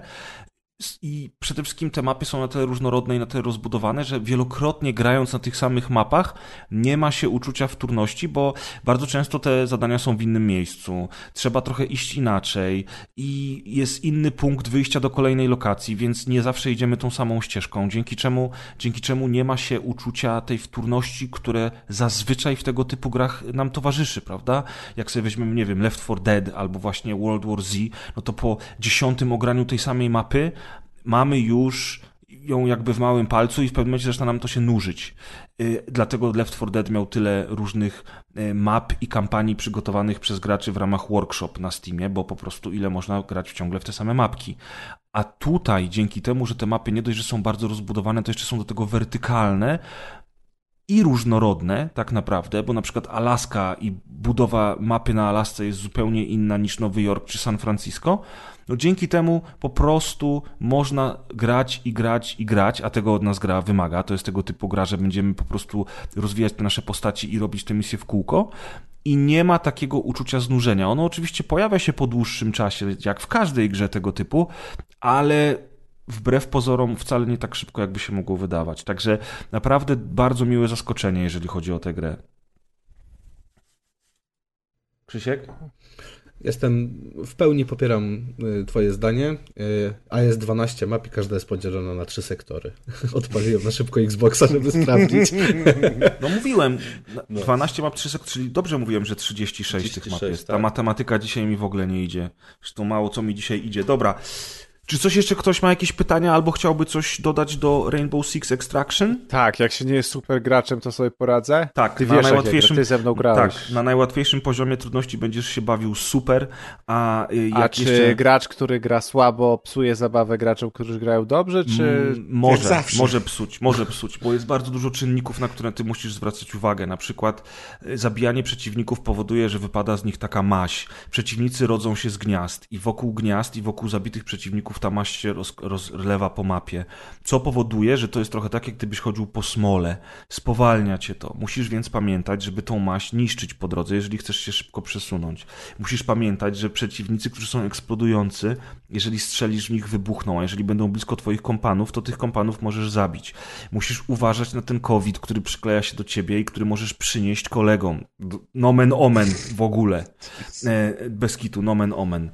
E, więc jakby jest bardzo dużo rzeczy, o których trzeba pamiętać, trzeba uważać, ale ta gra ma bardzo powolne tempo wszyscy, z którymi grałem do tej pory, a, a, nie grałem w ogóle z randomami ani razu, bo w ogóle nie opłaca się grać w tę grę z randomami, wszyscy jakby kuma, kumaliśmy bazę, osłanialiśmy się, wspieraliśmy się, do tego jest ten motyw podejmowania decyzji, czy idziemy dalej, czy jednak wzywamy helikopter, tak, czy ryzykujemy. Tak, w każdej sekcji można to zrobić, że tak. jednak zamiast iść do drugiej, możemy, stwierdzamy, nie no, mamy za mało życia, może, możemy tu zginąć, nie warto, nie? I dostajemy mniej expa, ale jednak nasi operatorzy przeżyją. Więc nawet jako, jako średnio zaawansowany gracz możesz się dobrze bawić i jeżeli będziesz miał ochotę, to my ci z HDR Kurde, możemy ja wszystko mam pokazać. super ochotę. Ja dopiero w ogóle tego tiketa... No dobra, to nie to już no. są prywatne rzeczy, ale naprawdę tak z chęcią bym zagrał. Bardzo chętnie z tobą zagramy. No, Aha, no i właśnie. platform super. Co? Multiplatformowo się fajnie gra, bo przecież ja grałem na Dokładnie, jest Xboxie, a crossplay. wczoraj na PC. Jest crossplay, No. crossplay działa świetnie, wystarczy być znajomymi na Ubisoftie i A i, i nieważne, czy tam masz pada, czy klawiaturę. nieważne. Nieważne. Nie, bo to jest PvE. Więc jakby nie ma żadnej różnicy i każdy A, no może tak. grać z każdym. No tak, no to, to już w ogóle super. To nie Call of Duty, gdzie Indianiec z shotgunem nas zabijał, nie, Press? Ojeny, ale jak? No, w każdym razie, w każdym razie to było Tom Clancy's Rainbow Six Extraction. E, No my z Haderem polecamy, Deusz jest zainteresowany, a teraz Deusz z Razerem opowiecie nam trochę o wersji PC gry God of War. Chłopcze. Tak, czyli już, już wspominaliśmy w ogóle przy temacie ekskluzywów, że Sony ostatnio ma politykę wydawania mm, swoich e, gier na, na, na PC-cie i, i Death Stranding wcześniej wylądowało i Days Gone wylądowało na PC-cie już jeszcze dużo wcześniej wylądowało Horizon. No i w tym miesiącu, w styczniu, przyszła czas, przyszedł czas również w zeszłym tygodniu na God of War'a którego zresztą e, ja na PS4 nie ograłem, więc bardzo chętnie go chciałem sobie sprawdzić w tej e, wersji na, na PC-cie. Trochę zazdro.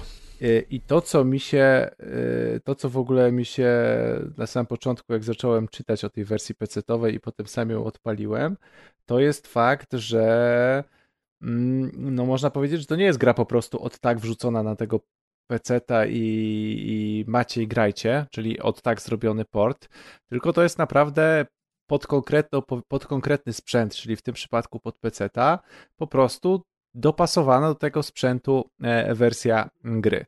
Czyli przypominam, że gra wyszła oryginalnie na PS4, no i miała swoje ulepszenia na PS4 Pro. Ona na PS4 Pro wyglądała i chodziła lepiej niż na PS4. No później nadeszła generacja, którą mamy obecnie, czyli PS5 i na PS5 ta gra również dostała e, swoje dodatkowe e, ulepszenia i ona na PS5 chodziła już w 60 klatkach, tak? Bo na PS4 i PS4 Pro chodziła w 30, na PS5 chodziła, wyglądała troszkę lepiej, chodziła w e, 60 klatkach. E, PS5 to jest tak obecna generacja. No i wersja PC-towa dostała ulepszenia również względem wersji PS5, czyli wersja, która jest na PC-cie, jest obecnie ładniejsza i e, jest ładniejsza i, i, i lepiej chodzi, e, chodzi płynniej, szybciej niż wersja z ta najlepsza konsolowa, czyli wersja z PS5. E, Lepsze jest jakość cieni, znacznie lepsza jest jakość cieni, lepsze jest oświetlenie. W wyższej rozdzielczości mamy tekstury. E, Co więcej, nie mamy tego ograniczenia na PS5, gra chodzi maksymalnie w tych 60 klatkach, natomiast no, na PC to nas ogranicza e, moc naszego sprzętu, natomiast gra bardzo mocno i w bardzo dobry sposób wykorzystuje technologię NVIDIA, czyli DLSS. E, I w, e, i, i w trybie, e, jeśli mamy DLSS-a w trybie tym wydajności, performance, to bez problemu gra osiąga, może chodzić w 120 klatkach, a powiedzmy w takim trybie środkowym, czyli jak, jakimś takim trybie jakości czy zrównoważonym, to gra bez problemu działa w 80 klatkach. Również warto wspomnieć, że pamiętacie, PS5 było reklamowane mm, tym szyb, szybkim dyskiem, tak? Tym takim e, bardzo Mhm. szybkim dyskiem, który doładowuje. I ja wiem, ja sobie zdaję sprawę, że po prostu gra musi być napisana pod ten dysk i podejrzewam, że e, God of War nie jest i jak został zrobiona wersja na PS5, to ta wersja jeszcze nie wykorzystuje e, jakby sposobu pisania kodu, żeby wykorzystywać ten dysk, natomiast e, wersja PC-towa wczytuje się dwa razy szybciej niż wersja na PS5.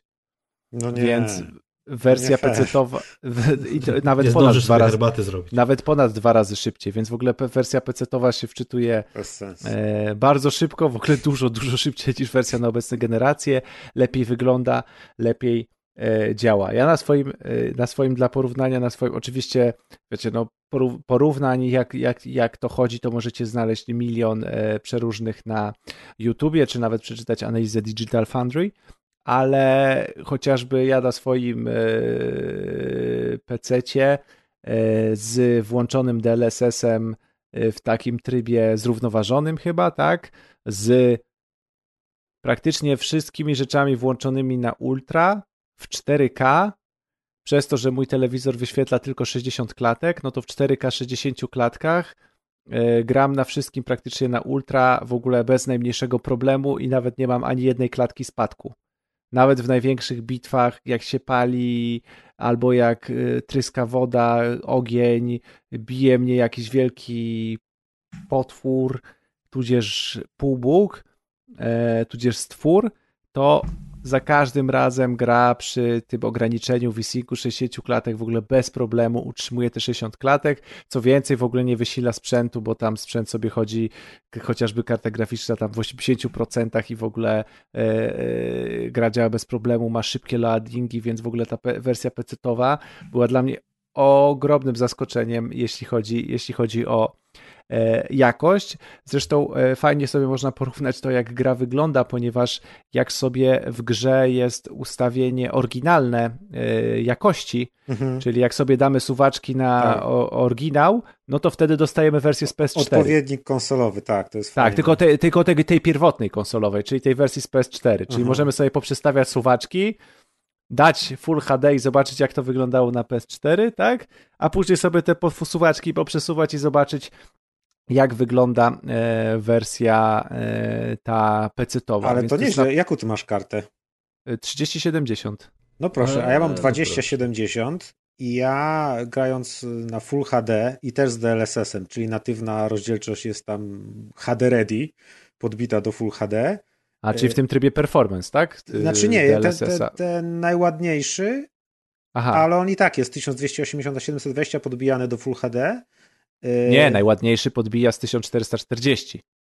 No nie może, bo ja chcę grać w Full HD. Aha, dobra, okej, a, bo ty chcesz grać w Full HD, a, No. bo ja, przepraszam, bo ja na 4K przeliczam, dobra, Czyli dobra, ja okej, nawet jasne. niżej. Ja chcę grać na Dobra. Full HD i tak mam włączonego DLSS-a, co prawda najładniejszą opcję, ale jednak. I na wszystkich detalach na Ultra y, ja tam mam o 60 się nawet nie obijam na tej mojej karcie 2070, y, tylko jest to między 40 a 50. I tak naprawdę większość czasu grałem w, na ustawieniach tych oryginalnych, tak naprawdę, bo jak się tak przyjrzałem, to moje stare oczy na szczęście już nie widzą aż tak bardzo tych, tych różnic, tych detali. No podejrzewam, że rozdzielczość też robi swoje, w sensie, że na rozdzielczości wyższej pewnie widać to jakoś Możliwe, lepiej. możliwe. Tam też cienie bardzo dużo zżerają i te Mhm. cienie w wersji PC-owej na Ultra akurat są mega do, dopasione i bardzo dużo zżerają. Ale ja gram y, na tych ustawieniach konsolowych i na Full HD z DLSS-em i jest tak, że no, jak są zamknięte pomieszczenia, to mam 60, ale jak jest duża rzeźnia i jakieś dziwne lokacje, to mam nawet spadki poniżej 50, co trochę mnie dziwi, no bo jednak y, to jest pierwsza gra, która mi tak rzeczywiście zażyna te rzeczy, nie wiem, ani nowa Forza, ani jakieś tam z tych starszych gier, ale wymagających typu Red Dead Redemption i tak ale, dalej. ale widzisz, tak bo jak sobie zażynało. wejdziesz właśnie chociażby w chyba najbardziej kompetentne analizy, czyli Digital Foundry albo również inne, no to wszędzie jest jakby zachwyt nad tą No tak, że optymalizacja jest świetna. wersji. Czyli najwyraźniej po prostu karta 2070 w obecnych czasach Ja też, jest ja też nie wiem, nie ale tutaj e, na Ultra e, słuchacze, którzy są bardzo blisko NVIDII, mogliby nam napisać w komentarzu albo, Albo e, przysłać e-mailu, kartę. albo nie, albo, o, albo osoby, które są kompetentne, czy e, no DLSS się różni między kartami, prawda? W sensie, czy nie? Czy, czy wszystkie karty, które obsługują DLSS-a, obsługują go w ten sam sposób? czy na Tak, przykład tak, DLSS to- zażyna bardziej twoją kartę niż jakąś Znaczy, nowszą no to jest tak samo jak z rozdzielczością, no. Działa tak samo wszędzie, jak jest gra bardziej wymagająca, okay. ale technologicznie jakby to działa tak samo i na twojej, i na mojej karcie. Ale, ale w, mówię, w ogóle działa super. Tak, rozdzielczości. w ogóle działa super, siedzę na kanapie, podpinam pada od y, PS4 akurat, tak, DualShocka, Mhm. y, gra mi się ustawia w interfejsie PlayStation, Tak, sterowanie mam, są. gdzie gram sobie na padzie PlayStation i w ogóle jakby no, nie widzę różnicy, oprócz tego, że mam super szybkie loadingi i gra wygląda prześlicznie i nic mi nie wyje za telewizorem, bo konsola mi nie wyje jednak, bo komputer PC stoi w wyje w pokoju. sypialni. Nie, nie, no, no, nie, nie, nie wyje, ale wyje w innym pokoju, nie? Więc w, w, wyje gdzieś w, w zamkniętym pokoju, więc Na jest balkonie. super, w ogóle super cicho, gra wygląda pięknie, sama gra jeszcze dużo nie pograłem, kilka godzin pierwszych, ale już po prostu, już, już e, poczułem to, czemu ludzie zachwycali się e, no te w sumie 2,5 roku temu nad, nad tym God of War'em, bo... Jakie 2,5, 3,5 ponad. 3,5. No w 2018 premiera była. Ach, no tak, no tak, 2018. No to ta, no tak, no I 3,5. nie zawsze to były zachwyty. Akurat. I powiem szczerze, że no jak na trzyletnią to jest opad szczęki, jak ta gra wygląda w ruchu i co tam się dzieje i jak są wyreżyserowane sceny akcji, także o God już mogliście posłuchać na rozgrywce, ale no, chciałem bardziej wspomnieć o tych technikaliach, ale naprawdę, jeśli ktoś nie nadrabiał, e, to jeśli ktoś tego God nie nadrabiał, to mm, no to naprawdę warto, bo ja na początku też byłem sceptyczny jakoś do tej wersji konsolowej. Ją na konsoli mam, ale jakoś tak do niej podchodziłem trochę jak pies do jeża, bo e, ja też nie za bardzo lubię, powiedzmy tak, slashery i rozbudowane systemy walki, jakie by nie były, ale po prostu satysfakcję, jaką tu mam, rzucając tym toporem i przyciągając tego topór z powrotem, a przy okazji, jak przyciągam ten topór z powrotem i on przebija przypadkowo innego wroga, który do mnie idzie i przez niego przechodzi i wszędzie po prostu tryska krew i, i to, co się tam dzieje na ekranie w takiej jakości, to jest mm. no, niesamowitą frajdę. Pamiętam, jak deweloperzy Po tam... tych kilku godzinach daje tak niesamowitą frajdę, że, że no, jestem naprawdę zachwycony. Po, parszy, po, po, po, po pierwszych kilku godzinach jestem zachwycony i cały czas w ogóle mi nie opadł ten entuzjazm nawet nie z gameplay mi podtrzymuje entuzjazm. Można powiedzieć, że mi nie studzi, bo często, bardzo często w różnych grach mi studzi y, gameplay entuzjazm, natomiast gameplay mi entuzjazmu nie studzi, a każdą kolejną lokację, którą widzę, to się po prostu zachwycam i mogę sobie oglądać na zbliżeniach, nie wiem, jakieś tam tekstury drewna, yy, kamienia, jakieś wyryte rzeczy na skórze i, i, to, jak tam jest odbijane światło, i jakie to są tekstury i jak ta gra w ogóle wygląda fenomenalnie, to to mam sam fan z oglądania tej gry. Naprawdę mam sam fan. Dawno tak nie miałem, jak, jak jakąś grę oglądałem, jak, jak w tym przypadku tego, w przypadku tego War'a. No, ona plastycznie super wygląda, y, artystycznie, nie tylko technicznie, ale właśnie tak, y, y, artystycznie jest, jest świetnie zrobiona. Te miejscówki czasami wyglądały jakby żywcem, koncept art był przeniesiony w, grafikę 3D. Tak, ale projekty też przeciwników, kurczę, no naprawdę, nawet reżyseria tych takich troszkę ustawionych walk, no mhm. dzieje się w tej grze, dzieje i, i, i wydaje mi się, że naprawdę to jak ta to jak ta gra wygląda, to jest, to jeszcze potęguje te wrażenia. Mm. Bo, bo ta gra naprawdę wygląda no fenomenalnie w tym momencie. I to rzucanie toporem jest faktycznie bardzo satysfakcjonujące, jest też udźwiękowione odpowiednio, jak on się tam wbija w jakieś przeszkody, czy przez tych przeciwników przelatuje. E, pamiętam gdzieś, gdzie, gdzie któryś z deweloperów opowiadał, jak cholernie trudno jest zrobić coś takiego. Znaczy, że to coś nam wydaje takie logiczne, bo nie wiem, w wielu innych grach rzucamy przedmiotami, je przyciągamy,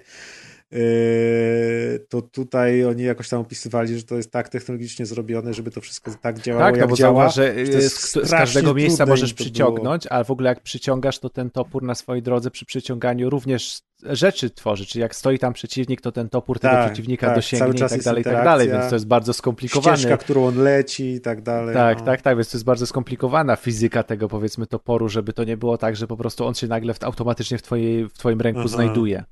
Od, y, od, tak. Ja też pograłem parę godzin, yy, chociaż yy, ostatnio jakoś nie jestem w nastroju w ogóle do grania, ale właśnie jakoś tak, nie wiem, nie, nie zachwyciła mnie ta gra jakoś specjalnie i tak jak się nasłuchałem o tym God of War, jaki to nie jest wspaniały, ale też właśnie to, co Kas mówił, jakieś tam narzekania, bo mi też na przykład ta walka średnio podchodzi. Po paru godzinach gry Y, nie wiem, ja się czuję, że ta kamera jest na tyle blisko tej postaci i co prawda są tam takie strzałki, A to które prawda, pokazują... kamera jest bardzo blisko postaci, tak. Tak, i są strzałki, które ci pokazują, gdzie jest przeciwnik, czy akurat przeciwnik strzela do ciebie, albo czy zaraz cię zaatakuje, więc one są i tak bardzo pomocne, ale wciąż jest to takie bardzo klaustrofobiczne i ja nie obczajam też tych y, kombosów, które tam niby można robić, a już jak otworzyłem drzewko umiejętności i zobaczyłem, co tam trzeba odblokować i że ja muszę teraz jakby uczyć się i zapamiętywać tego wszystkiego, to stwierdziłem, że już chyba jestem za stary na te gry i ja bym chciał, nie wiem, mieć te dwa ciosy i tylko je pamiętać, no, że nic mi więcej to, nie potrzeba. To właśnie była, znaczy mm, jedną z tych takich głównych, jednym z głównych narzekań na tę grę to, to był może nie system walki, ale no chociaż też system walki, ale generalnie zmiany względem tych poprzedniczek. I sądzę właśnie, że chyba do siebie bardziej by trafiły jednak te wcześniejsze. No nie, to jest releasy, no. inna gra zupełnie. No tak, No tak, znaczy, tak, wiesz, tak. no, ja tutaj to jest powód krytyki A, a, ale na przykład The Last of Us mi się świetnie grało, czy w jakieś Tomb Raidery, takie gry akcji z trzeciej osoby, a tutaj Ale- jednak Ale słuchajcie, ale taki przecież brawler praktycznie. z- War, Tak, tak. Mhm. Kaz, ale w God of War zawsze trzeba było się uczyć kombosów i wprowadzać coraz to No bardziej... tak, ale to No, zupełnie był no, inny slasher, inny jednak- był ten aha, Był gameplay. inny, oczywiście, że był Te inny. kombosy nie natomiast- były, nie wiem, może nie wiem, czy one były skomplikowane tak, czy nie, ale rzeczywiście jakby ta perspektywa, w której ta gra jest przedstawiona i te nowinki, no one bardzo mocno zmieniły koncept grania, koncept samej walki. To jest, to, to też jest To jest podobnie jak inna na przykład, gra, nie wiem, tak. jak w, w Asasynach Tak, też masz to- różne umiejętności. Ja tak samo je odblokowuję i z 90% nie korzystam, bo o nich zapominam po prostu, że jak przytrzymam L2, R1 i wcisnę więc ze strzałką B, to robię masz coś 8 tam. różnych umiejętności, Ja już nie? nie Jeżeli, pamiętam. jeżeli, jeżeli nie masz ochoty na A jeszcze takiego. przez tydzień nie grałeś? No to już koniec, nie? Jeżeli nie masz ochoty na takie oczywiście kombinacje, to ja ciebie doskonale rozumiem. Ja sam mam tak z tą grą. Uwaga, ja najbardziej teraz bronię w ogóle gry od PlayStation. Proszę to gdzieś zanotować na ścianie w jaskini czy coś. Ja ją bardzo lubię, ale to, to, to jakby każ- No kumam. to nie to samo. No, Kumam, kumam, ja wiem, bo to jest inna gra. Ja pamiętam, że ja przed God of War zagrałem w God of War 3 Remastered na PS4 bodajże i potem grałem właśnie w tego nowego God of War'a, więc jakby doskonale rozumiem różnicę między starą serią a tą nową częścią. I ja przyznam się szczerze, że też miałem bardzo duży problem z kombosami i w ogóle z walką w tej grze i tak naprawdę zanim ja rozkminiłem rozwój postaci, rozwój nowych kombosów, uczenie się ich, to gra mi się skończyła. I ja robiłem potem, po finale, robiłem te wszystkie rzeczy, które są w endgame'ie, ten dodatkowy świat, te wyzwania i tak dalej. I dopiero wtedy, po wielu godzinach gry, w 100% doceniłem e, God of War, bo oczywiście, tak jak mówi Deusz, wizualnie jest, to jest majstersztyk. Fabularnie jest świetna. Ten świat jest cu- cudowny. To takie półotwarcie tego świata mi się podobało, chociaż ja, jak wiecie, ja nie jestem zazwyczaj zwolennikiem otwartych światów. To tam, tam jest cała masa dobra.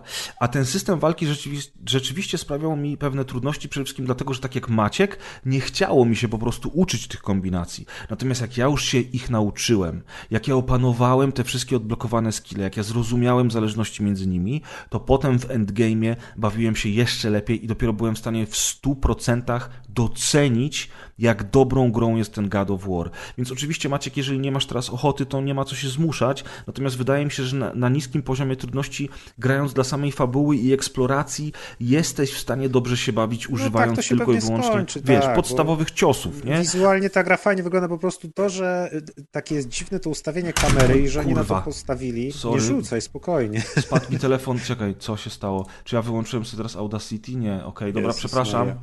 Y,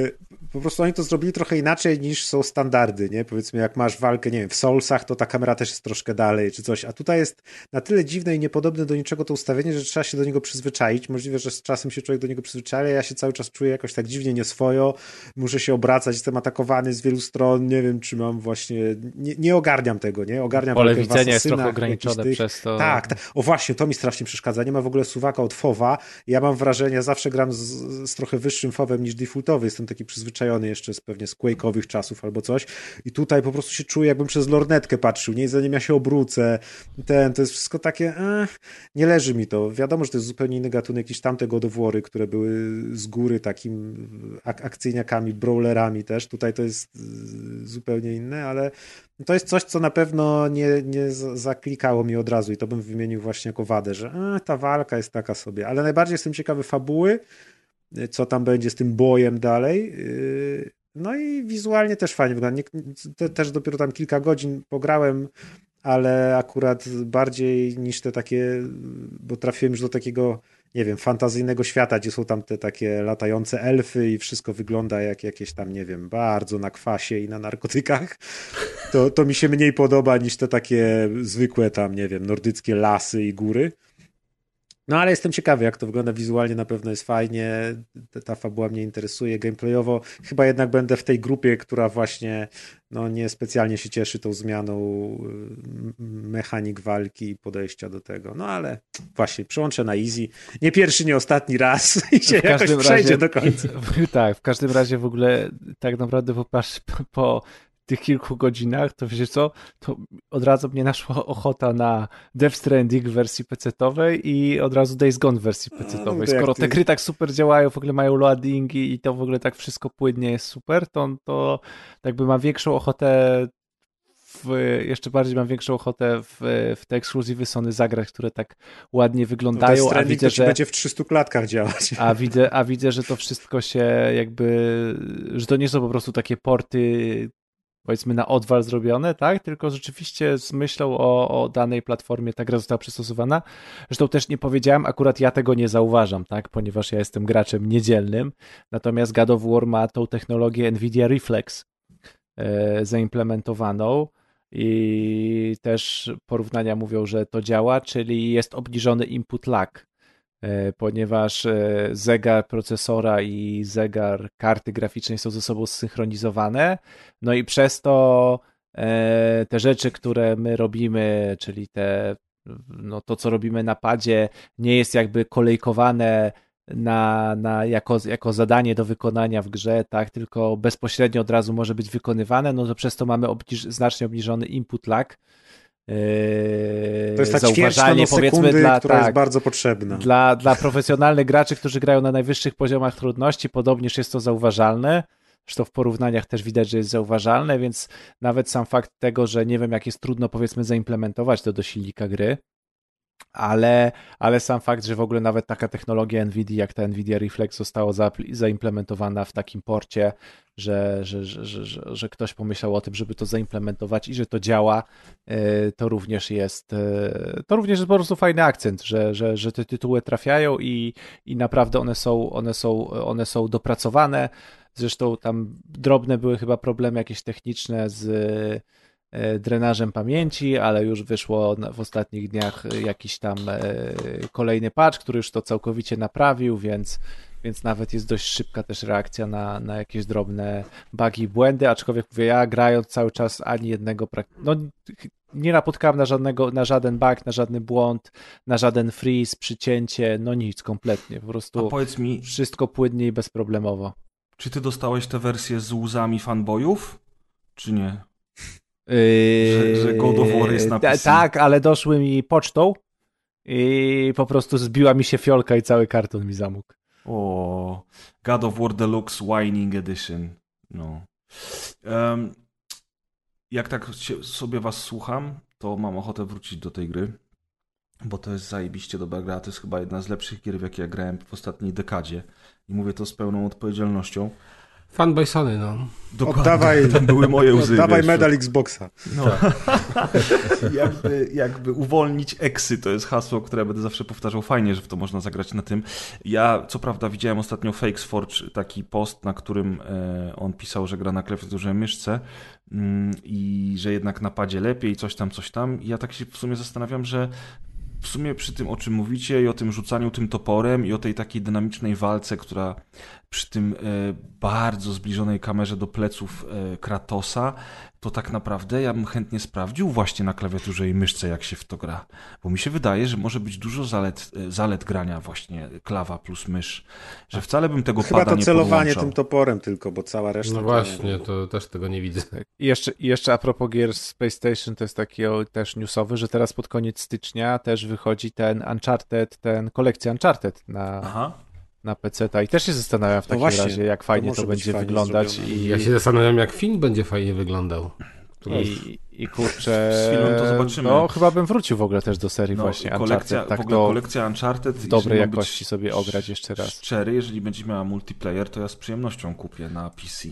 Ja ostatnio tę ostatnią część ograłem Zaginione Dziedzictwo, chyba tak Mhm, to się nazywało. No, Całkiem spoko. Nawet się nie Spoko. spodziewałem, że to jest takie długie. Myślałem, że to będzie trwało z 2-3 godzinki. O, tak, Zaginione Dziedzictwo było super. Mi się bardziej podobało od czwórki w ogóle Zaginione Mhm. A to Dziedzictwo. dla mnie nie, absolutnie, ale było spoko. Hader, y, ty się orientujesz, czy w, w, tym, w tej nowej wersji Uncharted, która się pojawi na PC, będzie multiplayer też? Pojęcia nie mam. Ty serio chciałbyś tylko multiplayer? Ja nie wiem, czy będzie PS4. multiplayer, ale wiem, że te wszystkie ulepszenia, które do tych gier PlayStation trafiają, tutaj również trafią, te graficzne i tak dalej, i tak dalej, więc dlatego tak, od razu zakładam, że będzie to fajnie działało gry. i fajnie chodziło. Ale Już co do widzę. multiplayera, to... Nie to... ma, już widzę. Nie ma. A są starsze gry. Mówimy od jest- 1.3, tak? Nie, nie, Nie, Legacy of. Thieves to jest czwórka i dziedzictwo, a czwórka Aha, miała dobry aha. multiplayer i w sumie to bardzo e, jestem zdziwiony, że nie dali tego multiplayera na PC. Ja rozumiem, że utrzymanie serwerów i w ogóle, ale PC nie dały rady presną. tak, tak, tak. Nie ta architektura. No Kurczę, otwarta szkoda, bo architektura, nie ta architektura. Byłem napalony na, te, na to, na to, już nie jestem napalony. Łe. No ale sprzedałem PlayStation 4, to może jednak się A skuszę. pograłbyś se na Switchu w jakieś porządne gry. No właśnie, Albo na tak. PS3. Nowe Pokémony właśnie wychodzą pres. Tak. Sam Gra zdjęcie A, Deusz wysłał, tak, po porównanie graficzne Pokémonów i Obliviona z 2006 roku. Spoiler, Oblivion wygląda 10 razy lepiej. A to jest beka, to jest dopiero beka. Bez Ale tu właśnie nie ma to znaczenia. No, to, to jest Dokładnie, właśnie piękno nie ma znaczenia. To, to jest piękno, że nie ma znaczenia. No tak, to jest piękno, no bo nie ma znaczenia i tak jest lepsze. No. Gameplay Ja propos, nie ma, ja propos grafiki, która nie ma znaczenia i starych gier, to Kaz ogrywałeś Grę, która wygląda bardzo ładnie. Mm. E, Eufloria się nazywa i sądzę, że ona nie straci na mm, aktualności graficznej jeszcze przez Nigdy. kolejne kilkadziesiąt lat. Tak, Kilkadziesiąt lat? Przez kolejne Dokładnie. nigdy. przez kolejne nigdy. E, Dlatego, że to jest tak prosta graficznie gra, wręcz e, to trochę jest jak z muzyką ambientową. Po prostu. Ona nigdy nie traci na aktualności i zdecydowanie jest tak samo właśnie z tą grą. Ja ją ogrywałem w 2011 roku, jak wyszła na PS3 i wydaje mi się, że nawet była recenzja na rozgrywce. A gra jest chyba z 2009, ja również. Ja ją ogrywałem w ogóle na telefonie. O, to nawet nie wiedziałem, że jest na telefonie. Ej, To znaczy je, a jest taka stara, że ona była na telefonie, ale już znikła ze sklepów. A, no także tak, tak. Już... No w każdym razie y, to jest giereczka. No, pamiętam, że właśnie takich gier mi brakowało y, bardzo na konsolach i w te 10 lat temu mega mi się ona spodobała. No i teraz jak zobaczyłem totalnym przypadkiem, y, patrząc sobie na sklepik switchowy, że jest wersja na Switcha, chyba wydana y, 31 grudnia. 30 Od razu- grudnia. A, być może. Chyba Od tak. razu ją zakupiłem. I faktycznie znów ograłem. To, to była gra, w którą nawet, znaczy, na którą patrzyła jak gra moja żona i cały czas mi wypominała, co za badziewie, jak ja mogę w ogóle w to y, tak długo grać. Bo rzeczywiście, biorąc pod uwagę ostatnie moje przygody gracza, to to jest jedna z gier, w którą, z którą spędziłem najwięcej, pewnie w przeciągu pół roku, roku. E, Czyli ograłem ją dość szybko, w jakieś może, nie wiem, 5-6 dni i ona zajęła mi około 20 godzin. To jest gra będąca strategią, strategią czasu rzeczywistego e, i już samo to y, niesie pewnie pewne obawy względem sterowania na konsolach i rzeczywiście to sterowanie nie jest idealne, ale ta gra jest na tyle y, prosta w obsłudze, że nie robi to większych problemów. Yy, To jest moim zdaniem w ogóle idealna właśnie strategia pod konsolę. Nie jest zbyt skomplikowana, nie jest zbyt złożona, daje satysfakcję, jest, stanowi delikatne wyzwanie. To nie jest tak, że ona cię pokona i będziesz musiał powtarzać etapy, ale zdarza się, że te etapy jednak trzeba powtarzać. Najczęściej w przypadku błędów na początku rozgrywki, czyli nie zdarzyło mi się tak, że na przykład po godzinie nagle musiałem zacząć od nowa, raczej to było po około, nie wiem, 20, 10, 5 minutach. E, To jest gra, która przedstawia nam takie planety, komety, asteroidy, nie wiem, na które lecimy naszymi sadzonkami. I te sadzonki mają za zadanie jakby zasiedlać te planety, stworzyć na nich odpowiednią atmosferę, która wytwarza takie drzewa, które to drzewa wytwarzają nowe sadzonki. I to jest w ogóle y, taka teoria, już nie pamiętam jakiegoś fizyka, y, który chyba się nazywał, zaraz sprawdziłem, gdzieś to miałem zaznaczone. E, Tak, teoria się nazywała teorią drzew Dysona i właśnie jest przez fizyka Freemana Dysona opracowana i według niej znaczy taka teoria zakłada, że e, może powstać życie jakby wewnątrz komety, no i e, właśnie takie drzewa mogą powstać, które wytwarzają tam, nie wiem, czy odpowiednią atmosferę, to już warto się wgłębić na Wikipedii. W każdym razie to jest inspiracja i tak to faktycznie wygląda w tej grze, że my podróżujemy sobie na różne malutkie planetki, sadzimy nasze sadzonki i powstają drzewa. My nimi sterujemy, yy, wysyłając je w gromadach. Yy, kiedy wyślemy 10, wtedy możemy utworzyć drzewo i jakby ta planeta staje się naszą planetą. No i są różne zadania. Czyli na przykład, że trzeba się jakby osiedlić na iluś planetach, że trzeba na przykład wygrać rywalizację z jakimiś naszymi wrogami, E, czyli jakby z inną kolonią, że trzeba e, pewną zarazę wytępić e, z danego obszaru. Ten obszar w całości nie jest poznany początkowo, czyli my na przykład sobie wysyłamy zwiadowców, którzy nam sprawdzają, jak wygląda sytuacja.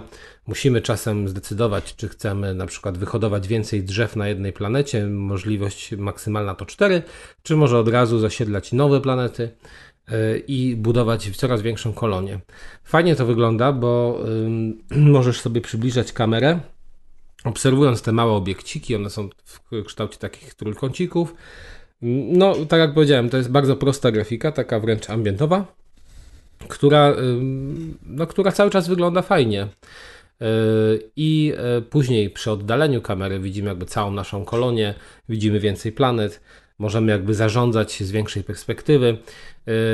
Możemy na przykład budować z czasem takie drzewka, które powodują, że wyrastają nam na przykład szybsze sadzonki, albo wyrastają nam mocniejsze sadzonki, albo budujemy drzewa obronne, y, które pomagają nam w razie wypadku, w razie ataku przeciwnika.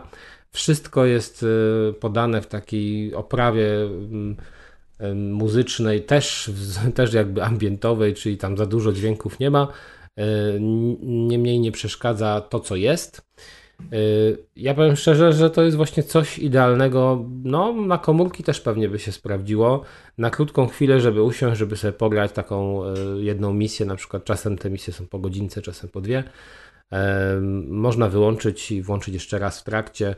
Dla mnie super sprawa, mi się mega podobało to, to zasiedlanie planet. Fajnie to jest pokazane, że każdy z tych każda jakby z kolonii innych sadzonek ma inny kolor, więc od razu widać, którzy są naszymi wrogami, którzy, którzy są jakby um, nasi. No, super sprawa. E, ma to jakąś fabułę, aczkolwiek ta fabuła jest strasznie prosta i ona się zawiera tylko w tekście napisanym na ekranie przed misją. Można sobie grać w dodatkowe tryby. Ja akurat miałem taką sytuację, że przeszedłem najpierw fabularny i później dwa takie dodatkowe, które są dosyć krótkie złożone jakby z takich misji, wyzwań. Bardzo polecam, taniutka gra, ona kosztowała mnie chyba dwadzieścia kilka złotych. E, świetna sprawa, aczkolwiek jeżeli ktoś by miał e, możliwość dorwania wersji PC-owej, to chyba to by była najlepsza opcja, tak, bo ona na w ogóle na PC sterowanie jest lepsze. Modo... Ona była w ogóle też modowana na PC, także... O, to nawet nie wiedziałem. Bo, bo, bo w ogóle dwa razy nie powtórzysz swojej rozgrywki dwukrotnie, bo sposób tego, jak ci się rozrastają twoje drzewa, to jest algorytm fraktalny.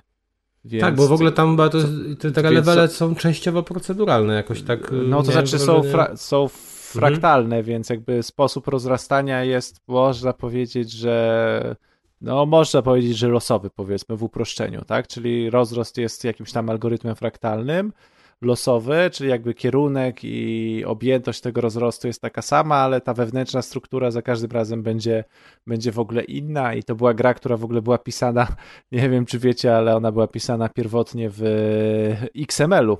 Czyli w hmm. tym języku, w którym między innymi mamy napisanego naszego RSS-a, moi drodzy. E, a, a później była w Lu, e, Lua w tym języku programowania i, i tam e, też przez to, że były te algorytmy fraktalne, to też jakieś, jakieś mody były robione do, do, do, na podstawie tego, no nie wiem, engine'u czy tego algorytmu, który decyd, decyduje o tej grze, także to też jest, to też jest bardzo fajny koncept. Ja też pamiętam, jak grałem, to jest taka super gra e, do odpoczynku, żeby sobie popatrzeć, poklikać, mhm, porobić. Muzyczka leci w słuchawkach, my sobie coś klikamy, coś się dzieje. Jakieś informacje są do mózgu dostarczane. Naprawdę bardzo, bardzo fajny tytuł. Powiedziałbym, że na mobilki, ale z tego co kojarzę, to on jej już się nie dostanie w ogóle na platformy mobilne. To jest w ogóle dziwne, że to. Czy względy licencyjne, ale. Być Kiedyś może była, nie, nie ma. nie ma upgrade'u do nowszych wersji, nie wiem czy Androida, czy... To na iOSie było, o, teraz widzę, że jest informacja, że to było na iOSie. W komentarzu pod gameplayem na YouTubie ktoś 9 lat temu zadał pytanie, czy jeszcze można ją kupić na PSN. Ale w ogóle to jest śmieszne, to jest naprawdę jedna z ostatnich gier, y, o której się spodziewałem, że wyjdzie, no nie wiem, na Switcha w tym momencie. No, w życiu Tak bym się nie po- przypomni, nie? Myślał tak, że to powróci, ale... Ktoś wiedział w ogóle, kto ma licencję na to, nie? Bo w ogóle to jest tak naprawdę prawdziwy indyk, bo on powstał w tych czasach, kiedy my jeszcze jakby nawet Tak, no, tak. nie No wszyscy było, jak wiedzieli, jak było te gry i co to jest w To ogóle. jeszcze pewnie indie były tak czasy, dalej. no, no, na pewno, nie? To, nie były było, czasy... gdzie indyk wyglądał jak trochę biedniejsze GTA, tylko naprawdę indyk musiał być indykiem i właśnie wyglądał w ten tak, sposób. ambientowo. gdyby to wyszło na Xboxa, to pewnie by się zmieściło w tych ich ograniczeniach za tamtych czasów. No, na, kilkadziesiąt megabajtów, indyki. tak. Więc y, bardzo polecam, naprawdę. No, jeżeli, nawet nie wiem, czy dema nie ma na Switcha. Warto sobie A sprawdzić. czy wiesz, ile to na Switcha kosztuje? No mówię, 20 kilka złotych, ale to A, chyba okej. była promocja. Nie wiem, czy nie kosztuje 30 teraz kilka złotych bez promocji. Można zobaczyć, jak indyki wyglądały 13 lat temu, tak? Tak, Prawdziwe indyki. Prawdziwe indyki 13 tam ale to jest tam- też gr- greczka, która ma pomysł na siebie. Jest czymś takim, no ciężko mi było właśnie później, po, ja szukałem sobie podobnej gry po tym, po tym czasie, czyli po tym 2011 roku i powiem szczerze, że do dziś nie znalazłem czegoś tak równie relaksującego, będącego taką prostą strategią, którą mógłbym ograć na konsoli. I tego mi też bardzo brakuje, właśnie takich gier, więc tym bardziej no, ze szczerą chęcią zagrałem w to ponownie. No teraz indykiem jest właśnie na przykład Kena Bridge of Spirits, nie? A właśnie zacząłem grać w tym tygodniu O, i bardzo mi się podoba. I Także nie jest platformówką, już się dowiedziałem. Nie jest platformówką, e, jest całkiem przyjemna, bardzo ładna, ma cudowną muzykę, fajną walkę, przyjemną eksplorację i to oczywiście opowiem wszystko na następnym odcinku, bo jeszcze nie przyszedłem, ale Maciek, tak dla ciebie tylko takie info, że mm, jakby rozstrzał między The Gang a Kena Bridge of Spirits jest ogromny, nie? Jakby No, w The Gang tak 20 minut wytrzymałem na razie, ale poziom, jakby poziom Wytrzymałem. Keny, poziom Keny jest tak ze 3 stopnie wyżej od The Gang, jak nie więcej, po o, prostu no wiesz. A one są, one troszkę są do siebie podobne na, pod kątem tej eksploracji i tego oczyszczania świata z zarazy, wiesz? I tylko, że po prostu jakby w ogóle The Gang nawet nie ma podjazdu do Keny. I to jest to, co dzisiaj mówiłem w No, newsach. Kena w końcu na, nagrody pozdobywała najlepszą grę roku, nie? Indie. Najlepszego Debiut, indyka chyba roku, ten, nie? tak. Czy coś. Nie, no to jest to, co mówiłem w newsach, że no, okej, to nie jest niby Sony, ale to jest Sony i wszyscy o tym wiemy, więc jakby, że jak oni po prostu się do czegoś przyłożą, to, to dostajemy Kenę, a jak Microsoft wydaje, to dostajemy The. Gang, nie? no, no Co? właśnie. No, więc A w ogóle jakby... ktoś słyszał o The Gang zanim to wyszło, czy to się dopiero rozeszło, jak ta gra się... Trochę było o tym pojawiła. mówione, bo to byli twórcy Steam World Dig. Tak. Oni byli Mhm. dosyć znani i, i, i te ich gry były całkiem chwalone. Tam w ogóle wyszło parę sequeli, spin-offów i w ogóle jakiś ten ich świat tego Steam World się całkiem ładnie rozwijał. No i nagle wyskoczyli z tym The Gang, który okej, był całkiem ładny, ale niewiele poza tym. No różnica jakby w pisaniu postaci, w dialogach, w grafice, w gameplayu, we wszystkim. No ale jedną grę masz w. Game Passie za darmo, a za drugą musisz zapłacić. No ale ja za nią zapłaciłem Pewnie 500 40 zł złotych. na Epiku w trakcie promocji w A, święta, no więc wiesz. A, Kup to sobie Luigi's. Mansion 3. Nie mam Nintendo Switch, szefie. Pożycz. Zresztą, jak Ja odpaliłem... On jest dorosły, on nie ma 4 za Nintendo. Ja grałem w Luigi's Mansion 3 całe 3 minuty, zanim go wyjebałem z dysku, Stąd jak miałem nazwa. pożyczony Switch. No, niestety nie dla mnie. Ale tak, Kena naprawdę bardzo miłe zaskoczenie, chętnie pogram dalej. Mm, I w Game Passie z kolei też wyszedł Scarlet Nexus już jakiś czas temu i to jest Platinum Games, nie? Tak. Tak, chyba tak. W związku z czym ja się- bałem, że to będzie taki JRPG, jak ten Mhm. Dragon Quest 9 bodajże, który też jest w Game Passie. Chciałem w niego zagrać, ale... Zarąbisty Dragon Quest 9 to. Znaczy nie 9, 11. 11. Za, zarąbisty jest? No przecież zarąbisty jest. Dobra, to nie instaluję, dzięki. Rywalka. No. Myślałem, myślałem że to nie jest. Subverting the expectation. Nie, ja tak tak myślałem, że samo robię z Gavi. Preza tutaj, wiesz, Dokładnie, patrzę, tak Prez że ma wiesz, jakby pełen szacun, ślady. przynajmniej nie tracimy czasu, no od razu, tak. wiesz, od razu wiadomo, nie? A się Ale tego- uzupełniacie jak dwie połówki. Ale tego Scarlet Nexus chętnie ogram, bo to jest slasher, tak? Dobrze, dobrze wnioskuję po screenshotach. No i cisza. No i Uciekł. cisza. Nie wie. Hader. Nie wiem. Ja nie Tak, grałem. Nie, O co to nie jest chwila. To nie jest ta gra, która jest takim ala Dark Souls. Ja mu się To jest Code Vein. w ogóle. Nie, A, Code to jest Vein to jest. Dark No, no, Souls. no, Wiesz, no, że ja no. znam wszystkie gry Dark Souls, bo omijam je szerokim łukiem. A Scarlet Nexus to będzie ten slasher, tak, taki slasher. Aha, aha. Wydawał mi się też fajny, bo widziałem jakiś gameplay. I zacząłem jeszcze grać w taką grę, Kas, co ci ostatnio wysłałem link do niej, e, bo wczoraj miałem taki wieczór, że tam potestowałem chwilę, jak skończyliśmy z Haderem grać w Rainbow Six, to potestowałem chwilę różne gry z Game Passa, e, tak po całe 5-10 minut. E, i zacząłem grać w tą Metroidvanię, która jest w Game Passie. Nie powtórzę tego tytułu, bo to jest najdziwniejszy tytuł, jaki To słyszałem nie w jest najdziwniejszy tytuł. Records of Lodos War? No to jest Tak, tak, manga tak. kiedyś była. Tak, tak, tak, tak. Wiesz, jakie fajne? Ty powinieneś to zagrać. Jeżeli mi się to podoba, to się tobie na pewno Nie, spodoba. no wygląda to fajnie, ale akurat, nie wiem, w tym momencie jakoś nie mam ochoty na kolejną taką Metroidvanię. I... To jest taka, wiesz, stricte Metroidvania w ogóle na starych zasadach, ze starym gameplayem i z bardzo ładną oprawą graficzną, która jest oczywiście stylizowana na te stare czasy, które ty zawsze tak chwalisz. Tak, Bo to tak. nie jest taki chamski pixel art jak dzisiaj, tylko to Mhm. jest takie ładne, szczegółowe, pięknie animowane. Naprawdę powinieneś to sprawdzić. Yy, tak, masz rację, no widziałem to i też mi się tak podobało wizualnie, ale no jakoś tak, no w tym momencie gram, moi drodzy, to jest dziwne, może w Mass Effect. E, bo jak dziwne, piękna gra. Bardzo dziwne. No nie, ale akurat y, ja powiem szczerze, że przed premierą miałem możliwość spróbowania Mass Effecta. Jeszcze kiedyś na Poznań Game Arena były takie czasy, gdzie coś przed premierą było i nie było miliona ludzi na tym, na tych targach. E, No. Dopiero co wchodził Xbox 360, bo jeszcze PS3 nie było jeszcze wtedy. Na rynku chyba, chyba nie.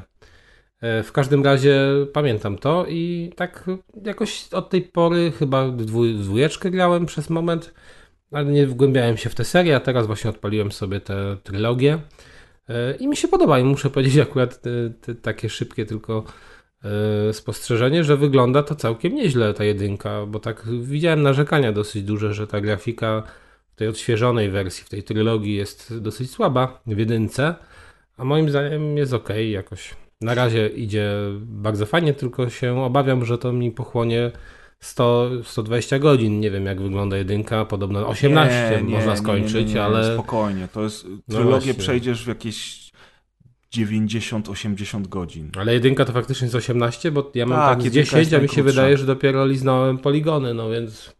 Jedynka jest najkrótsza, ale jeżeli w ogóle gameplayowo jedynka cię nie odrzuca tym systemem walki i z tym systemem RPGowym, który w sumie potem został troszeczkę mm, rozcieńczony, żeby z gry zrobić bardziej cover shooter, to w dwójce i w trójce już się będziesz bawił w ogóle mega, nie? Także zazdroszczę ci, że to jest twój pierwszy raz z Shepardem. Mm. Dobra, Okej. przejdziemy E, dalej. Jedziemy dalej. Teraz y, Krzysiek i ja opowiemy o grze Ready or Not, która jest w Early Access dostępna od grudnia y, na Steamie y, i która okazała się wielkim hitem, dlatego że w tej chwili ma już ponad 50 tysięcy recenzji, y, w większości pozytywnych, czy nawet bardzo pozytywnych, przepraszam, więc jest mega chwalona. mm, Sprzedaje się jak ciepłe bułeczki, cały czas utrzymuje się tam na listach y, best-selling games na Steamie i która jest duchowym spadkobiercą z serii SWOT 3 i SWOT 4. I mogę wam powiedzieć od razu, ja grałem mało, Krzysiek grał więcej, ale mogę powiedzieć wam od razu, że jeżeli kochaliście SWOT 3 i SWOT 4, to możecie wyłączyć te recenzje w tej chwili i po prostu iść i kupić sobie na Steamie Ready or Not w wersji wczesnego dostępu. Hader. Dokładnie tak. Y, Powiedziałeś w zasadzie wszystkie najważniejsze informacje tutaj.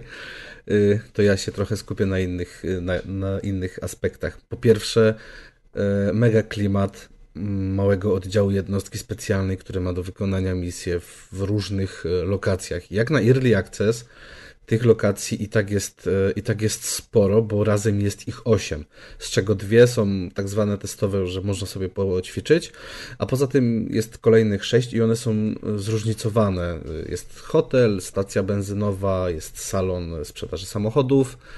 Doki. Y, Tak, jest też taki port. Mhm. Y, Jest też ten dom z takimi garażami, w którym, w którym byliśmy zresztą ostatnio. Bardzo dobrze nam szło zresztą, także wiadomo. Za pierwszym razem y, zabiliśmy tylko jednego cywila i Krzysiek postrzelił mnie w rękę, więc nie było najgorzej. Dobrze, że w ręk. A potem nas zabili, ale to już nieważne. A potem nas zabili, właśnie. E, jest naprawdę mega, mega klimatyczne. To czyszczenie pomieszczeń, po prostu w hotelu, no my tego akurat prez nie graliśmy, ale czyszczenie pomieszczeń, gdzie masz wiele, wiesz, pokoi hotelowych, e, gdzie musisz być totalnie, wiesz, totalnie zgrany z pozostałymi, z pozostałymi członkami swojego zespołu. Ten e, feeling broni, strzelania, udźwiękowienie jest świetne. Ta animacja jak na Early Access też tak naprawdę nie ma się do czego do czego przyczepić. Sporo gadżetów, więc no, trzeba się dogadywać przed wyjściem na misję. To dokładnie tak samo jak, jak w Rainbow Sixie, o czym mówiliśmy. Są tasery, są ładunki wybuchowe, starcza balistyczna w ogóle i jak zginiesz, możesz oglądać z kamery swojego, swojego kolegi, z którym grałeś w kooperację, to widzisz po prostu jak on wystawia tarczę, to tak naprawdę ty widzisz może 15% ekranu to jest to, co jesteś w stanie zobaczyć, co się dzieje i najczęściej jest to podłoga. No bo to jest tak jakby ta kamera była umieszczona y, gdzieś tam na piersi, czy w ogóle na ciele, na ciele drugiego członka zespołu, więc takie rzeczy też są bardzo, y, bardzo fajnie. Możesz też wziąć gaz pieprzowy, Masz dwa wybory rodzajów kamizelek. Możesz jako rzecz taką dodatkową, taktyczną wziąć też to lustro pod drzwi, ale nie da się zajrzeć pod, pod każde drzwi. Ja się raz tak wysadziłem właśnie, bo nie spojrzałem, czy jest pułapka i otworzyłem drzwi z buta i, i zginąłem. Pękło ci dubsko, no nazywajmy rzeczy po imieniu. Dokładnie. Nie tylko dubsko, domyślam się pękło mojej postaci wtedy. No i jak na Early Access, optymalizacja bez, bezproblemowo, bez spadków klatek u mnie wszystko. Tak, to zaskakująco dobrze grało. chodzi, to jest prawda. Mhm. I jest naprawdę bardzo ładne. Czy z tym bardzo ładne to mi się nie rozpędzał. Widać, że to jest pecetowa gra tworzona przez raczej e, entuzjastów bardziej niż przez duże studio z budżetem. Natomiast rzeczywiście niektóre lokacje wyglądają świetnie. Te doki znaczy, no, tak, są ale weźmy mega. właśnie pod uwagę stan gry. Early Access, który dopiero co wyszedł tak naprawdę. Tak, tak, e, to prawda, że oni przygotowali bardzo dużo mhm. na start i to nie jest taki motyw pod tytułem słuchajcie, macie jedną mapę, jedną misję, zapłaćcie nam 140 zł, tylko tak naprawdę w tym momencie jest już, tak jak powiedział Krzysiek, z sześć lokacji, na każdej lokacji jest pięć różnych misji do wykonania na pięciu różnych poziomach trudności. To nie jest tak, że robimy w kółko Znaczy one nie są jeszcze wszystkie, wszystkie dostępne. Wszystkie. Na przykład na stacji możesz wykonać wszystkie pięć rodzajów misji. No, czyli widzisz, albo wszystkich aresztować. Nie odpaliłem. No. Ja wam właśnie teraz powiem, jakie są rodzaje misji, bo to jest ciekawe. Tak, to jest bardzo duże zaskoczenie. Ja się nie dziwię, że ta gra się tak dobrze sprzedaje, że ma takie wysokie oceny, bo jest bardzo dużo zawartości jak na pierwszy miesiąc Early Access. Ale weź też pod uwagę, że nie ma gry od SWOT 4, która by o tym traktowała. W ogóle nie ma takiej no, gry i rzeczywiście tak właśnie. naprawdę ta gra mogłaby się nazywać SWOT 5 i nikt nawet by się mhm. nie zająknął, bo Albo działa SWOT dokładnie. 4 Turbo HD Ultra Edition. Tak jest. Działa dokładnie na tych samych zasadach, ma te same mechaniki, tak samo musimy ostrzegać y, podejrzanych, że jesteśmy z policji, zanim otworzymy do nich ogień. A to jest w ogóle świetne, co, co zrobiliśmy, bo yy, grając, yy, trzeba właśnie cały czas uważać i być cały czas totalnie skupionym, bo kazaliśmy gościowi przecież rzucić broń i on tą tak. broń rzucił i dokładnie pół sekundy później z za kurtki wyciągnął Uzi, którym chciał nas zastrzelić. Tak, tak, tak. Są bardzo fajne mechaniki, są fajne motywy. Ja na przykład wczoraj grałem chwilę sam, jak sprawdzałem te inne mapki i miałem taki motyw, że mm, podejrzany z bronią w ręku uciekł do drugiego pomieszczenia. Ja krzyknąłem za nim oczywiście stój policja i zbliżałem się do tych drzwi. On te drzwi zamknął za sobą, i kiedy ja je otwierałem, wybiegł na mnie cywil, który był w tym pomieszczeniu, w którym schował się podejrzany. No ja oczywiście tego cywila zastrzeliłem. Oczywiście. I wiesz, i po prostu, po prostu bardzo fajne rzeczy, naprawdę kompletnie w klimatach SWOT. Do tego właśnie są różne, różne misje, bo, bo jest to Barricaded Suspects, czyli takie podstawowe e, wyczyszczenie całej lokacji, aresztowanie wszystkich podejrzanych i cywilów, bo cywilów też należy aresztować, jak wiecie. Czy Oznaczenie... strzelać do cywilów? A można nie, do nich nie. strzelać? Można do nich strzelać, ale wtedy masz dostaniesz... ujemne punkty. Znaczy, generalnie... To jest nieważne, ważne, że Prezna to, mówi, Prezna to mówi ujemne punkty. Ja mówię, że dzięki temu dostaniemy po wykonaniu misji ocenę F, czyli fantastycznie. Także generalnie spoko. Grasz, przepraszam, dla kraju czy dla ocen? Oczywiście, że dla ocen. Gdzie Słuchajcie, z tych, z, tych, z tych rodzajów misji jeszcze, bo to jest ciekawe bardzo, że są, są ci Barricaded Suspects, jest też Raid, czyli jakby troszeczkę troszeczkę wyższa, mm, e, wyższy poziom trudności tego Barricaded Suspects i e, też e, Rules of Engagement, czyli te zasady walki są troszeczkę mniej ograniczone, to znaczy możesz walić bez ostrzegania i nie, nie, nie patrzeć na to, czy są cywile, czy nie. Jest też misja z tak zwanym strzelcem, czyli mamy cywili i mamy strzelca, który w miejscu publicznym otworzył ogień. Oczywiście, tak jak Krzysiek powiedział, nie wszystkie misje są jeszcze zaimplementowane w grze, natomiast takie są przygotowywane.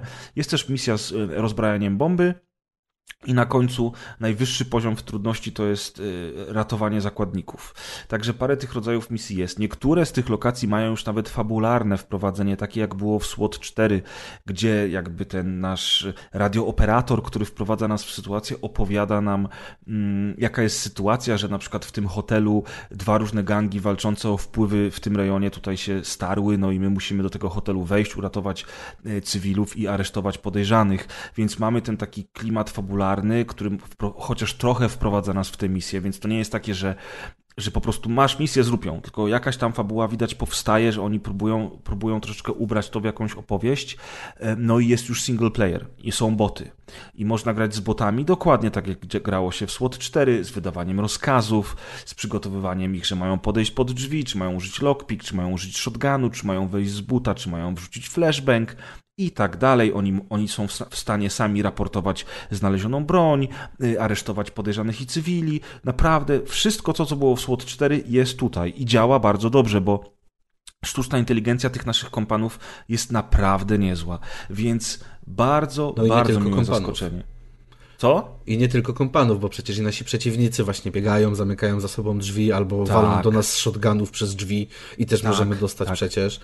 Yy, więc pod tym względem też. No i, ważne, no i ciekawe jest też to, że jak na Early Access zauważ, że ci przeciw, zarówno przeciwnicy, jak i cywile, to co gram, to praktycznie za każdym razem są w różnych miejscach. To nie jest tak, że oni zawsze będą dokładnie przy tych drzwiach czekać na nas. Tak, tak, oczywiście. To w ogóle nie miałoby sensu, gdyby tak było. E, już SWOT 3 i potem SWOT 4 opierał się na, na, na tej mhm. losowości i no, no, jakby gdyby tej losowości nie było, to absolutnie, absolutnie no tak, byłaby no, to gra na jeden raz. że jest miesiąc tam z hakiem w Early Accessie jest super, a na dniach wychodzi patch dość spory. No Także proszę, nie tak, wiedziałem. Także tak ostrzegam, że będziemy grać dalej. Tak, na pewno będziemy grać dalej, bo ja jestem zachwycony. To jest, to jest po prostu to jest po prostu powrót y, takiej klasycznej gry z serii SWOT. Widać, że zrobionej bardzo dobrze, bo bo niestety obecnie w dzisiejszych czasach strasznie brakuje tego typu gier. Przez chwilę było to Red Saber jakoś tak, co, które było, miało być takim Rainbow Sixem i miało być, um, miało być tworzone przez twórców starych Rainbow Sixów i pamiętam, że kupiłem razem z bratem i z kuzynami, ale niestety to, to był troszkę paździerz. E, teraz jest jeszcze jakaś inna gra w Early Access, która jest rozwijana, którą nawet mam i czasami w nią grywamy. Krzychu, przypomnij mi tytuł tej gry, bo ja nie pamiętam. To jest taka mieszanka właśnie Słota z Rainbow Sixem. GTFO. Nie, no nie. GTFO to jest science fiction z tymi potworami w podziemiach. A ja mówię o takim typowym oddziale żołnierzy, kooperacja, czyszczenie budynków, zakładnicy, terroryści. Kurczę. O. Kurczę, no nie przypomnę sobie teraz nazwy tej gry, natomiast to nie jest istotne, bo jakby nie musicie jej pamiętać, dlatego że Ready or Not w ogóle wyprzedza całą konkurencję. Tak, całą konkurencję. Prawda. Jest w tej chwili, jeżeli ona wygląda w ten sposób po miesiącu w Early Access, to na premierę to będzie naprawdę coś. To będzie naprawdę mhm. dobra gra. I bardzo się cieszę, że zaimplementowali te boty, że jest też tryb dla pojedynczego gracza, bo, bo to po prostu pozwoli też osobom niechętnym do takiego grania wspólnego mm, mhm. spróbować gry. Chociaż ja uważam, że wszystkie gry kooperacyjne PvE powinno się jednak rozgrywać w teamie z innymi graczami, bo to jest zupełnie inne doświadczenie niż granie w pojedynkę z botami. Tak, dokładnie tak. No można się przyczepić, że nie ma jeszcze jakoś bardzo dużo broni, tak? Że, no ale jest jej kustomizacja, to wszystko działa, to wszystko jest ładne. Oczywiście są czasami babole pokroju środek strzelania się z, z bandziorami, a aresztowana przed chwilą pani mówi, że mam fajne tatuaże, tak, których, tak, których, nie pełnym... widzi, których nie widzi, bo są ubrane od stóp do głów i nie tak, widać w pełnym rysztunku, a pani Taki komentuje... podryw na siłę trochę już, tak, zdesperowany. A druga mówiła wtedy, że jej mama była Meksykanką. Jakby tak, to miało coś kurwa zmienić w ogóle. Nie? Także wiesz, takie są placeholderowe teksty, które wow. nie mają sensu. Ale, ale na przykład ja miałem wczoraj, jak właśnie gra, jak grałem w pojedynkę i robiłem misję w tym hotelu z rozbrajaniem bomby, to pamiętam, że znalazłem tę bombę i tam był jeden cywil, tego cywila sam aresztowałem i wysłałem chłopaków pod drzwi, które były otwarte i za tymi drzwiami słyszałem, że jest jakiś ruch, więc kazałem im wrzucić flashbang i wbić. No i rzeczywiście oni tam wbili, była mega strzelanina, bo ich było czterech, a przeciwników też chyba było czterech albo pięciu, bo ty sobie świetnie poradziły z tym wszystkim. Tam dwóch zostało lekko rannych, ale wytłukli wszystkich terrorystów. Ja w tym czasie rozbroiłem bombę, tych chłopaków swoich wezwałem z powrotem do pomieszczenia z bombą i poszedłem raportować te trupy i zbierać te bronie, które tam leżały obok. I zupełnie nie wiem, jak to się stało. I nie wiem, czy to był błąd, czy gdzieś w rogu czaił się jakiś przeciwnik, a może była druga bomba. Ale wszedłem tam, rozejrzałem się po pomieszczeniu, nikogo nie zobaczyłem, zacząłem patrzeć na te trupy na podłodze i w tym momencie coś pizgło. I tak było, było takie pu i było game over, przegrałeś grę i nie mam pojęcia, co się stało, zupełnie nie wiem, co się stało. Czy coś wybuchło, czy ktoś mnie zastrzelił, no nie wiem. Ale jest faktycznie ten element zaskoczenia, jest ta losowość, jest to napięcie, no i przede wszystkim tempo tej gry jest super powolne jeżeli oczekujecie Call of Duty albo nawet Insurgency, które i tak nie jest szybką grą. I za późno wyszło. I za późno wyszło, dokładnie. Dziękuję Amadeusz, że nam przypomniałeś. To musicie się nastawić, że tak tutaj nie będzie. Tutaj w tej grze nawet nie można biegać. Można chodzić, a jak się przytrzyma shift, to się chodzi jeszcze wolniej. Prawdziwy policjant nie biega. Tak, i to jest, On wiesz, chodzi to wolno. Jest, to jest, to jest zupełnie Dobra, inny ale czy gry. niedzielny gracz ma tam czego, czego szukać w takim razie? Zawsze to samo. To samo pytanie. A co mam, przepraszam, I pytać się czy o psuje ciebie? profesjonalistom grę? A przepraszam, czy jest tam jakaś praca dla bezrobotnych kurwa ludzi z Krakowa? O, fuck. Jest, będziesz za też robił, może cię nie odstrzeli. Jak to było transfinansowych, tak? Dla Finansowy transfinansowych. Nie no, słuchaj, y, ja myślę, że tak. Ja myślę, że gdybyś zagrał z nami znowu, byśmy cię wprowadzili, to na pewno mógłbyś się dobrze bawić, e, bo O, to niedzielny taka- gracz pogra, ale nie solo, może tak. Solo na pewno, nie? No. E, I A to też, ja solo nie lubię. No więc właśnie. I to też jest kwestia tego po prostu, czy ty masz cierpliwość do takich gier, bo to jest taka gra, gdzie na przykład jeżeli Krzychu sprawdza każde drzwi, a musi sprawdzić każde drzwi tą kamerką z lusterkiem i i Co też czasami się kończy tym, że sprawdzam, gościu jest 10 metrów dalej, otwieramy drzwi, a koleś stoi w krzakach i do nas zaczyna strzelać. Tak, ale chodzi mi o to, że na przykład jeżeli, kiedy ty y, wkładasz y, te blokady pod drzwi albo sprawdzasz drugie pomieszczenie, Tak. to ja stoję w miejscu bardzo często nic nie robiąc. I, to, I jeżeli jesteśmy w korytarzu, w którym są trzy pary drzwi i musimy obejrzeć wszystkie trzy, zanim zdecydujemy, gdzie wchodzimy, to podczas kiedy jedna osoba skanuje, to pozostałe osoby w zespole po prostu stoją w tym korytarzu. No możesz tam oczywiście sprawdzać inne drzwi, żeby na przykład nie wszedł ci jakiś terrorysta, co się rzadko zdarza, ale się zdarza, więc osłaniasz tego kolegę z zespołu, ale generalnie tempo gry, przygotowanie się, to wszystko jest bardzo powolne. I na przykład e, jest taka sytuacja, że Krzysiek skanuje pod drzwiami pomieszczenie obok i mówi metr przed drzwiami mamy terrorystę z shotgunem. Co robimy? Gdzieś tam w rogu widzę drugą postać. Nie mam zielonego pojęcia, czy to cywil, czy kolejny terrorysta. No to ja mówię, dobrze, to słuchaj, to ja staję po prawej stronie od drzwi, bo klamka jest po lewej, ty stajesz po lewej, uchylasz lekko drzwi, a ja już od, od, odbezpieczam flashbang, który trzymam w ręku tak długo, dopóki nie puszczę klawisza i po prostu wrzucamy do środka flashbang i wtedy wchodzimy, robimy swoje, bo nie ma co ryzykować. I to jest właśnie, trzeba przedyskutować, pomyśleć, poczekać, liczyć na to, że kolega odpowiednio dobrze otworzy drzwi, a ty rzucisz odpowiednio dobrze ten flashbang i Tak, wróci bo- do ciebie. Jak wróci do ciebie, to masz przerąbane. Albo rzucił go na drugi koniec pokoju i nic się nie stało, otworzyliśmy drzwi i dostaliśmy w pierdol. Tak, bo ja mam wrażenie, że niestety jeszcze jest dużo rzeczy tutaj do poprawki. Chociażby właśnie działanie flashbangów w zamkniętych pomieszczeniach, bo był ten koleś z shotgunem, yy, flashbang wpadł jakieś dwa metry za jego plecami i w prawdziwym życiu w małym pomieszczeniu dwa metry za plecami wybuchający flashbang możecie nawet zabić, bo flashbangi mogą zabić w małych pomieszczeniach. A tymczasem pan z shotgunem, nic sobie nie robiąc, zarąbał nas obu. Więc no, no tak, gra wymaga pracy, ale, ale, ale naprawdę bardzo, bardzo miłe zaskoczenie. Więc tak, Amadeusz, ja chętnie z tobą pogram, y, a w ogóle to Amadeuszu, nie wiem czy wiesz, że jest jakaś nowa gra i teraz nie wiem, gdzie ją widziałem wczoraj, chyba w Game Passie, jak przeglądałem te wszystkie nowości. Jest jakaś taka gra, która nazywa się mm, Gaszenie pożarów z przyjaciółmi, czy coś takiego? A, to już zostało w zeszłym roku dodane do Game Passa. No, to chyba Chodzi ci o też... Embr? Chyba? Tak Nie, ta gra nie wiem, nie wiem jak ta gra się nazywa. To jest taka rysunkowa, trochę stylistycznie przypomina Tak, jakiś tak, tak, Overcooked. tak, tak. czy To coś nasz takiego. ps- Psaweł z Adkiem, i Aha. z Jackiem i z Mikołajem streamowali. Tak, to jest taka typowa pod stream, że dużo się dzieje, rysunkowa, gasimy Super. pożary. To my zrobimy lepszy stream. Nie, nie z Embr, tylko z czegoś innego. Nie, ale chciałem powiedzieć właśnie a propos takiego wspólnego grania, że moglibyśmy się temu też przyjrzeć, bo ja wiem, że ty lubisz gasić pożary, więc, więc w sam raz. Hader, a ja mam do ciebie pytanie jeszcze na koniec tutaj sekcji recen- recenzji, bo przechodzimy już powoli do kulturki. Moje pytanie brzmi, na ten moment po, ograłeś Ready or Not i ograłeś Rainbow Six Extraction. E, Nie bierzemy pod uwagę tego, że jedno jest w Game Passie, a drugie kosztuje 140 zł. Jakby pominimy ten aspekt. Którą z tych gier byś bardziej polecił nam dzisiaj? Ready or not, myślę, mimo wszystko. Tak? Mhm. Dlaczego? Mm, Ponieważ y, no, to jest kwestia osobistych preferencji i ja w gry typu SWOT uwielbiałem, więc y, dla mnie takie Ready or Not to jest po prostu jak haust świeżego powietrza. Y, Dlatego bardzo jestem zadowolony, że dałem się namówić na zakup tego tytułu i będę go polecał każdemu. Bierzcie i kupujcie, bo warto. To ja dziękuję tobie, że ty mi kazałeś go kupić i polecałeś tak długo, że w końcu się zdecydowałem, bo faktycznie warto było ich wesprzeć i, e, i, i fajnie się gra. Ja na pewno będę w to grał więcej. Ciekawostka na koniec, na którą zwrócił mi właśnie Krzysiek wczoraj uwagę. W tej grze na, na ten moment jest jeden achievement, e, nazywa się Pierwsze Aresztowanie i polega on na tym, że musisz aresztować swojego pierwszego podejrzanego bądź też cywila, czyli jakakolwiek osoba, której założysz trytki na, na dłonie, czy też te kajdanki, y, powodujesz, dostajesz ten achievement. I przypomnij, ile osób zrobiło ten achievement? 55% zaledwie grających. Dużo. 55% przy ponad 50 tysięcy recenzji oznacza, że setki tysięcy kopii zostały sprzedane.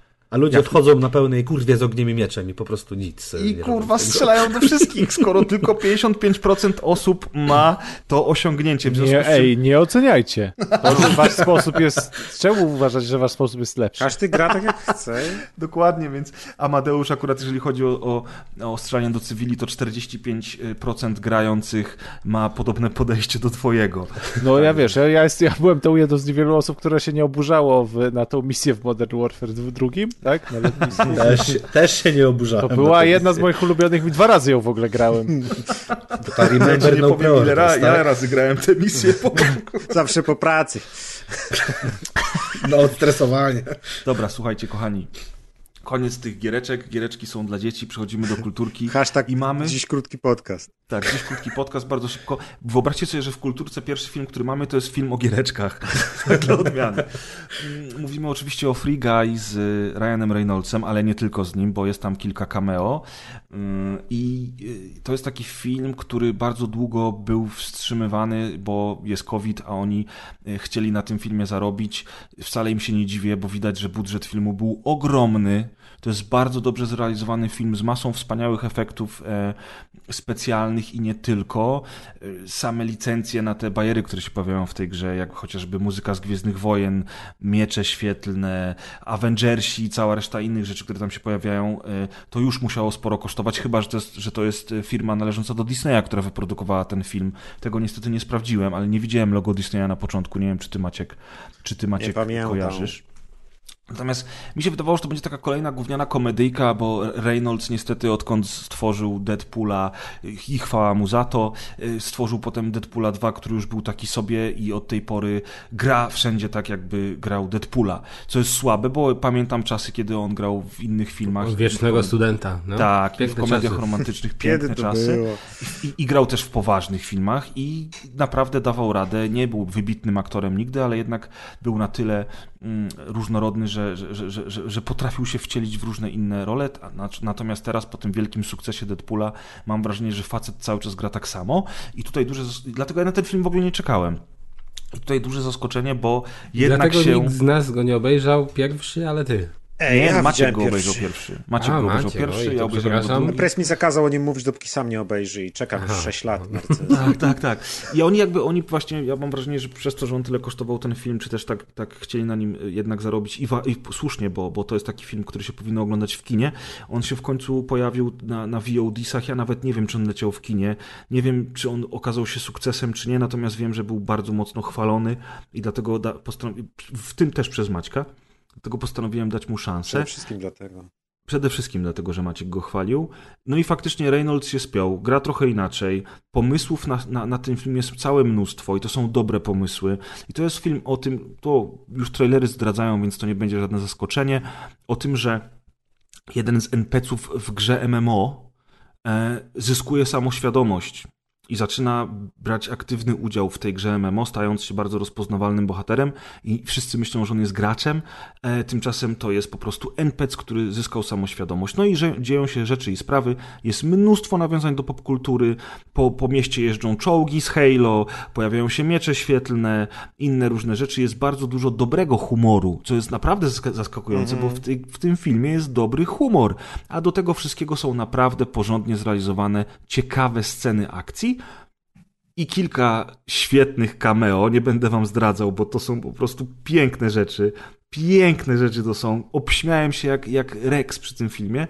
I chciałbym po prostu tak z grubsza powiedzieć, że jeżeli jesteście fanami gier wideo, ogarniacie czym jest World of Warcraft, czym jest Fortnite i lubicie trochę dobrego humoru, to naprawdę warto się tym filmem zainteresować. Prawda, Maćku? A jak takich gier, jak ty wymieniłeś, nie lubimy, a lubimy inne? Ale wiesz co, ale jeżeli lubisz gry w ogóle, to docenisz jakby mm, cały Nawet branży, zamysł. jak się trochę w branży orientujesz, tak. tam jest pokazany zespół deweloperski, który tworzy gry i to też, jeśli ktoś coś wie o branży, to jest... Y, ale taki deweloperski, czy taki z Activision Blizzard deweloperski? Jeden i drugi. Nie no, aż tam takich rzeczy nie ma, bo to jednak film, wiesz, nie od 21 lat. Y, ale, ale nie, ja też spodziewałem się po zwiastunie czegoś o wiele gorszego i wcale się na ten film nie rzuciłem przy pierwszej lepszej okazji.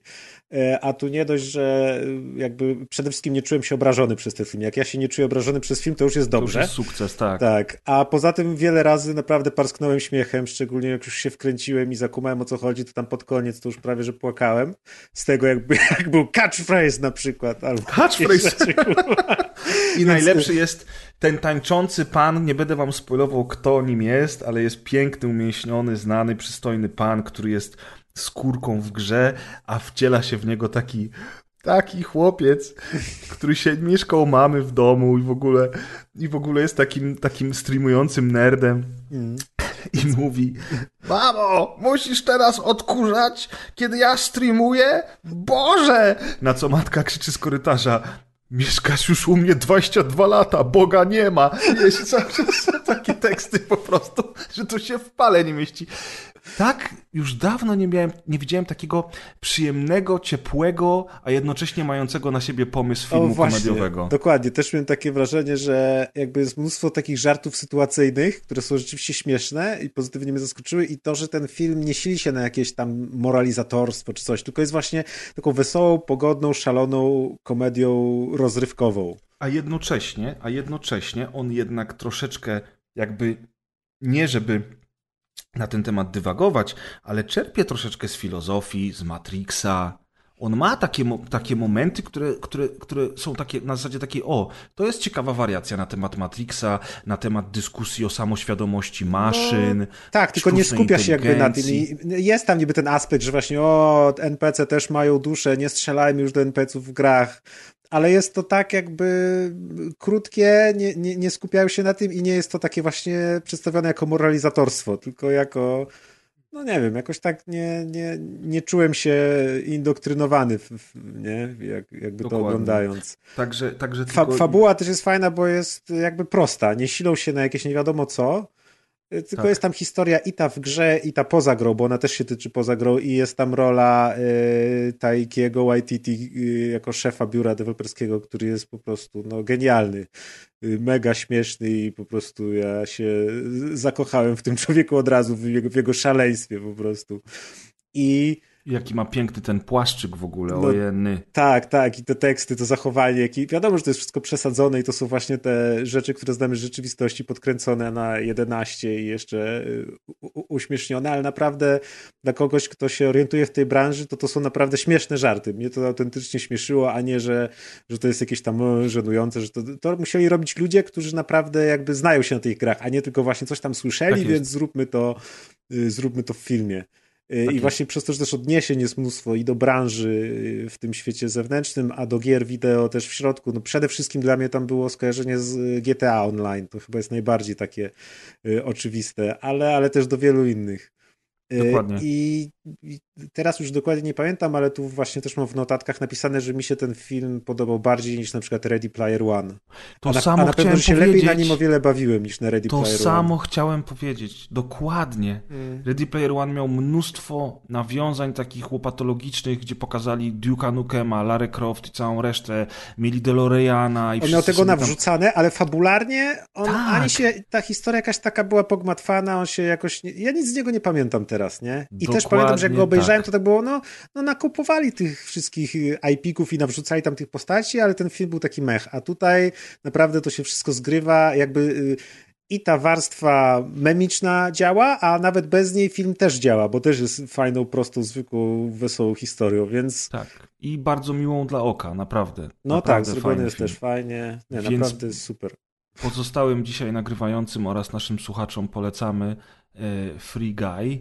Nawet Amadeusz, który nie lubi komedii, uważam, powinien obejrzeć, bo docenisz. Docenisz te żarty i docenisz to podejście. Zaśmiejesz się, potem się nam nie przyznasz, ale się zaśmiejesz na jakimś No, tak. scenie. Właśnie patrzę, że to już będzie mnie kosztowało. 15... Nie wiem, czy zaryzykuję obejrzenie komedii za 15 zł. Muszę Warto. Zaraz Warto. pres ci przeleje. W każdym razie, w każdym razie naprawdę warto. Zrzucamy się także- po 70 i oglądam. Także Free Guy, a jeszcze jak jesteśmy przy Ryan, Ryanie Reynoldsie, to wam chciałem powiedzieć o Red Notice, czyli tym wielkim hicie e, Netflixa, który był najbardziej popularnym, naj, najchętniej oglądanym, oglądanym filmem fabularnym Netflixa w historii Netflixa. Wow. Więc to było duże wydarzenie. Mm, W, w głównych rolach Ryan Reynolds, Dwayne The Rock Johnson oraz y, Gal Gadot. Gal Gadot, dziękuję. E, Czyli, czyli w sumie taka wielka trójca znanych i lubianych obecnie młodych gwiazd młodych. No, The Rock to już taki młody nie Młody. jest, ale, No, ale gwiazd. Reynolds. No Reynolds jest trochę młodszy. W każdym razie, w każdym razie jakby no e, duża rzecz i głośno o tym było. Mark, machina marketingowa była przeogromna. Jak widać było warto, bo, bo, bo film odniósł, odniósł ogromny sukces. Ja za pierwszym razem jak obejrzałem ten film to wyłączyłem w połowie i stwierdziłem, że już nigdy do niego nie wrócę, bo jest takim gównem. Natomiast e, po obejrzeniu Free Guy'a pomyślałem sobie, a niech stracę. Dam temu filmowi drugi raz szansę. Odpaliłem od początku całe Red Notice i tym razem dotarłem do końca. No i tak. Ryan Reynolds gra znowu Deadpoola, czy też może po- powinniśmy powiedzieć szczerze, gra Ryana Reynoldsa. The Rock praktycznie większość filmu gra The Rocka. Gal Gadot wypada całkiem spoko. Mm, Film w żaden sposób nie jest wybitny, wyjątkowy, ani nie będę go jakoś szczególnie chwalił, bo na to nie zasługuje, ale ostatecznie cieszę się, że ktoś znowu próbuje robić kino nowej przygody. Że ktoś próbuje troszeczkę połączyć taki buddy cop movie, em, film szpiegowski, czy też heist movie, bo tak naprawdę to jest heist movie z kinem nowej przygody w stylu Indiany Jonesa czy Księgi Narodów. Bo ten film zaskakująco często zmienia swój motyw właśnie i z filmu heist movie zmienia się w buddy cop movie, z buddy cop sk- zmienia się z kolei w kino nowej przygody i ostatecznie, jeżeli macie wolny wieczór i chcecie sobie na luzaczku spędzić film, e, spędzić e, jakby czas przy takim filmie lekkim i macie Netflixa, to, to czemu nie? Nie spodziewajcie się cudów. E, ale te drugie pół filmu podobało mi się dużo bardziej i ja się cieszę, że oni spróbowali chociaż troszeczkę wskrzesić to wszystko, co dzisiaj już nie istnieje w kinie, bo teraz mamy tylko pelerynki, Fast and Furious i Gwiezdne Wojny, o czym zresztą powtarzam bardzo często na, na podcaście i zgadzacie się zresztą ze mną bardzo często w tym temacie, a a tymczasem, no chociaż spróbowali. Być może do czasu kolejnego Jamesa Bonda i e, do czasu kolejnego Mission Impossible to jest jakiś taki zapychacz, który sprawi wam trochę radości. Przy okazji Jamesa Bonda, Deusz, tylko napomnę, że obejrzałem tego najnowszego i mi się bardzo podobał. A nie W ogóle obejrz obejrzałem wszystkie Bondy jeszcze raz z Craigiem, odświeżyłem sobie wszystkie cztery, obejrzałem ten piąty. Wspaniałe jest te pięć filmów. I ten finał naprawdę, naprawdę mi się podobał. Także Ładnie zgadzam się zamyka. z Deuszem. Tak, ładnie zamyka, jest, jest po prostu dobry i ja nie jestem fanem ani znawcą Jamesa Bonda, więc, e, więc może to i lepiej, bo ja się po prostu bawiłem fenomenalnie. Kto wpisał na listę Wu Assassins? Ja? To dawaj. A tylko ja oglądałem ten szrot. A cóż, to, a cóż to jest? Czyli to jest w ogóle do oglądania, tak? Zacznijmy od tego, że to jest do obejrzenia. To jest do obejrzenia na Netflixie, ale no, posłuchasz, to się dowiesz, czy jest do oglądania, czy nie. Po Matrixie najnowszym, który jest filmem wspaniałym, przegenialnym i ma najlepsze sceny akcji na świecie. Tym bardzo... nowym Matrixie w tak, sensie? Tak, tak, tak. okay, bardzo dobra. zapragnąłem obejrzeć jakieś kino kopane, bo no, oglądając Matrixa przypomniało mi się, jak to moje ukochane filmy Ride 1 i 2 już ponad 10 lat temu robiły kopanie tak, że się nikomu tak nie śniło, że można tak Jeszcze kopanie nikt tak zrobić. nie kopnął. Tak, nikt tak nie, nie kopał. No tam trochę kopali wcześniej w jakichś ongbakach i protektorach, ale od czasów tych rajdów to naprawdę jest ciężko znaleźć coś, co podobny poziom utrzyma. No i sobie pomyślałem tak, rajdy reżyserował pan Gareth Evans i grał tam indonezyjski aktor Iko Uwais. Więc podążając tym tropem, zobaczyłem, co jeszcze pan Gareth Evans reżyserował, bo on nie chce coś tego trzeciego rajda zrobić, a w międzyczasie zrobił Gangi Londynu, taki serial, dwa lata temu. A pan Iko Uwais w jakichś tam filmach grał, a ostatnio, trzy lata temu zrobił serial W Assassins, gdzie gra główną rolę. Bo on też w tym nowym G.I. Joe grał, prawda? To jest ten sam aktor, pan. E, tak, tego pana, co tam z miską Tak, tak, tak. Snake Eyesowi wywijał. No, on się pojawiał w, w różnych filmach. No i pomyślałem, że któroś z tych rzeczy muszę sprawdzić, bo możliwe, że y, no, ci panowie będą gwarantować jakość kopania, co najmniej jak było w tych rajdach. No i rzutem monetą wyszło, że pierwsze obejrzę sobie w Assassins, który jest y, mini serialem 10-odcinkowym, 10 odcinków po jakieś tam 50 minut. E, Za dużo o tym filmie nie wiedząc, wiedząc tylko, no, że tam się kopią i że ktoś tam coś tam o tym wspominał, ale jakoś dużo szumu nie było, więc już miałem trochę podejrzeń. I już po pierwszym odcinku mogłem, jakby trochę byłem zaskoczony, bo nie tego się trochę spodziewałem, bo ja myślałem, że to w Assassins to będą yy, tacy prawdziwi asasyni, że tam, nie wiem, biegają ninja, trochę jak tam było w Daredevilu czy coś i tam yy, akcja się dzieje w San Francisco, no ale spodziewałem się czegoś w miarę powiedzmy realistycznego, na ile kopanie się ninjasów może być realistyczne, a tu się nagle okazało, że tam są nagle jakieś magie i wodne smoki i żywioły i efekty specjalne rodem z telewizji sprzed 15 lat. No Maciek, y, opis filmu, jed, jednozdaniowy No. opis filmu. Niedoszły szef kuchni nawiązuje współpracę z detektywem Wydziału Zabójstw, by rozwikłać starożytną zagadkę i unieszkodliwić zabójców dysponujących nadprzyrodzoną mocą. No kto by się spodziewał Ej, magii? nadprzyrodzona moc to może być super umiejętność kopania się po ryju na przykład, a nie, że typ przenosi się do wymiaru X i generuje jakieś tam astralne potwory. No dobrze, ale teraz już nie mówimy w końcu o twoich oczekiwaniach względem tego filmu, czy o tym, jak oni sobie go wymyślili, bo to wiesz. No, wymyślili go sobie tak, że jak na siłę postanowiłem go oglądać dalej, to yy, wy- wyciągnąłem jeden ciekawy wniosek. Znaczy, scen walk w tym serialu wcale nie ma aż tak dużo, a już takich, które zapadają w pamięć, to jest może jedna.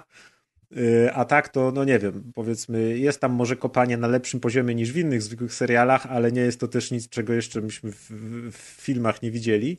Yy, Ale ten film w pewnym momencie doznałem olśnienia, kiedy już właśnie coraz więcej było tych, bo, bo, bo mm, ten, ten kucharz, yy, w skrócie jakby fabularnym, yy, ten kucharz nagle kontaktuje się w świecie astralnym z nim jakaś prastara wojowniczka chińska i mówi mu, że on jest teraz wybrańcem i on teraz musi pokonać yy, bóstwa W, które są bóstwami żywiołów, jest W ognia, No, czyli W Matrix w wody, sumie, nie? W ziemi. Mówi, użyj magii.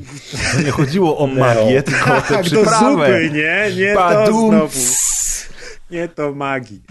No i ten typ oczywiście na początku nie chce i jest bardzo długo, śmieszne są takie dialogi, gdzie on mówi, ja jestem kucharzem, a nie zabójcą, musisz go zabić. Nie zabiję go, dlaczego? Bo jestem kucharzem.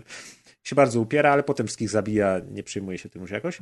No i on walczy z tymi duchami, a na początku myślałem, że ci od W to będą jacyś tacy źli, a to się potem okazuje, że żeby zostać tym duchem W, to wystarczy tylko, że pokonasz kogoś, kto wcześniej był tym duchem W i wtedy z niego wypada taka skoru- część skorupy żółwia, yy, bo to była kiedyś taka duża skorupa żółwia i ona się rozpadła na kilka elementów i każdy z tych elementów to jest jakiś żywioł i kto tam przyjmie ten żywioł, to potem włada tym żywiołem. I to na trzeźwo wszystko oglądałeś, tylko tak No, słuchaczom w właśnie trakcie tej recenzji musimy to tak uświadomić. 50-50, muszę przyznać. Yy, No i na końcu tam jest jeden sezon yy, i yy, nie ma planów yy, na, na drugi sezon, za to w tym roku ma wyjść film, który jest kontynuacją i zamknięciem tej historii. Ta historia w sumie jest zamknięta, więc nie wiem o czym będzie ten film, ale z drugiej strony też domyślam się, dlaczego nie będzie kontynuacji tego serialu. Czyli nie polecasz, tak? Polecam go, słuchajcie, wszystkim tym, to co doznałem w pewnym Których momencie gdzieś koło, koło piątego odcinka, y, kiedy zobaczyłem właśnie kolejny raz te marne efekty specjalne i, i taką dziwną magię i, i, i wszystko, to nagle mi się złożyło w, y, w to, że ten serial mi się skojarzył z y, serialem Mortal Kombat, który kiedyś był w y, telewizji. O panie. I jakieś takie połączenie dziwne realistycznych Astralne. wątków typu tu policja w San Francisco prowadzi dochodzenie w sprawie dziwnych podpaleń w dzielnicy chińskiej Little China i tak dalej. Połączyło się to nagle z tym, że pojawiają się nagle jacyś, dosłownie jak z Mortal Kombat, nie? że teleportują ci się wojownicy miotający żywiołami, fireballami pewnie. i mocą y, lodu i tak dalej. I to takie bardzo dziwne połączenie jeszcze z tymi nie najwyższej jakości efektami specjalnymi sprawiło to, że jakby zacząłem trochę przychylniej patrzeć na ten Czyli serial. na trakcie zobaczyłem- piątego odcinka to już był trzeci drink, tak? Zobacz, że to już, był, to już było dużo tak- po trzecim drinku. A ja chciałem, Maciek, y, sprzedać Ci od razu dobrą wiadomość, która jakieś pół godziny temu pojawiła się na Twitterze i na pewno będziesz przeszczęśliwy. Y, Filmowy Mortal Kombat najnowszy otrzymuje właśnie sequel. No to chyba było wiadome, że tak planowali. Co ciekawe, wspaniałe połączenie, dziękuję, że mi przypomniałeś. Jedną z głównych ról w tym serialu gra znany z mm, tej najnowszego Mortala Cole Young, czyli główny bohater nowego filmu Mortal Kombat. Ojej. Nie ma tam. Usłyszałem jęk ak- akceptacji od, od starszyzny ro, rozgrywki. Ale jeżeli już porównujesz to do tego serialu, nie wiem, na Polsacie on chyba kiedyś leciał, Mhm. no to jeżeli to jest jeszcze raz y, podobna, tak, jakość? Czy... To jest podobny, jakoś podobny klimat, bym powiedział, bo ja się właśnie O, wow. spodziewałem czegoś, czegoś realistycznego. Tutaj dostajemy taki miks realizmu i tej takiej baśniowości, który bardzo mi się skojarzył ogólnie właśnie z klimatem Mortal Kombat, gdzie też miałeś Sonię i Strikera, ale miałeś też jakichś mnichów Shaolin, a miałeś też jakiegoś Shao Kahna i jakichś innych tam dziwnych tych. I tu jest naprawdę to samo. Więc jeśli komuś brakuje Zawodowo. pewno. seriali połowy Mortal Kombat z 2000, nie wiem, który to był tam rok. To był taki poziom, nie wiem, Kseny. No, tak. gorzej. Tak, coś w tym stylu, coś w tym stylu. Więc Czyli jak komuś brakuje kseny, w sumie doszliśmy tak, już do tego. o, Kseny to wielu brakuje. Szczególnie w tamtym wieku.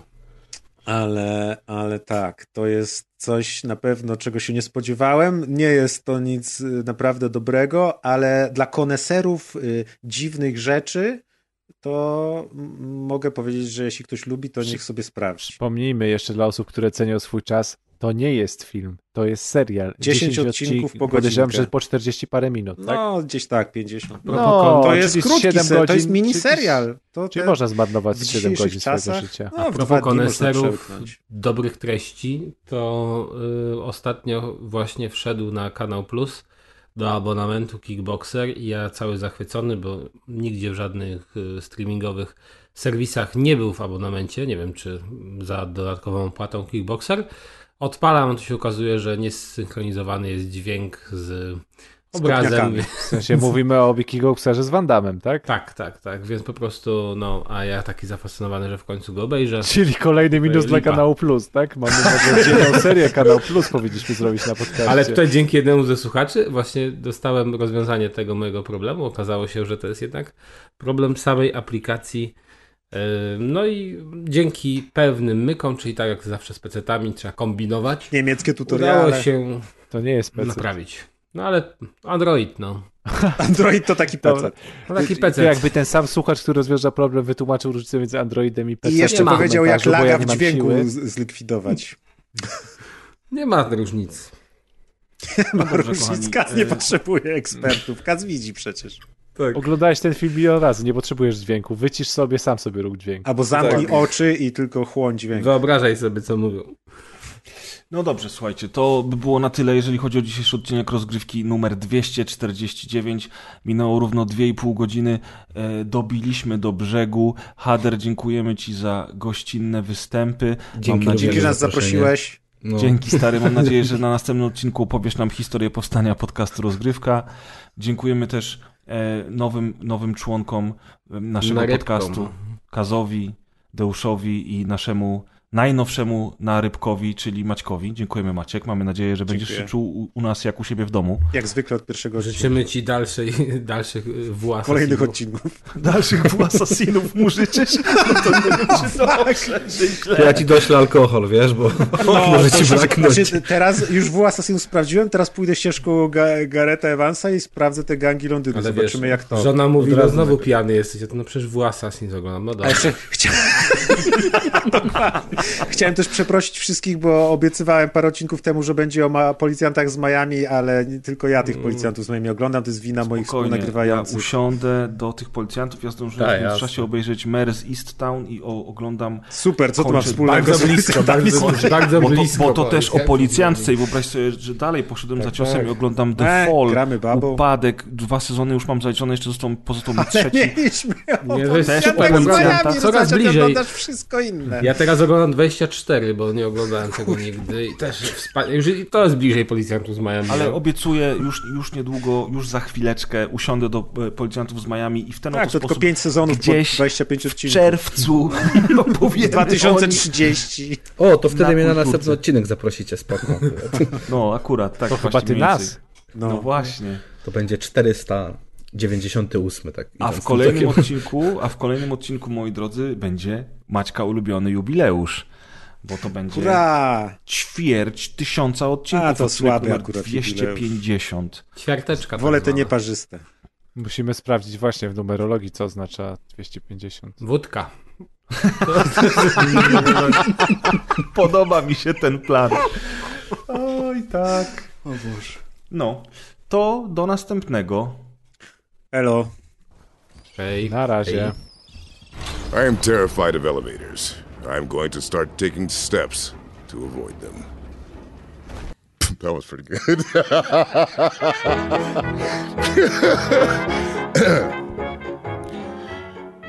I used to hate facial hair, but then it grew on me. Why did they put a gate on Helheim? Because people were dying to get in.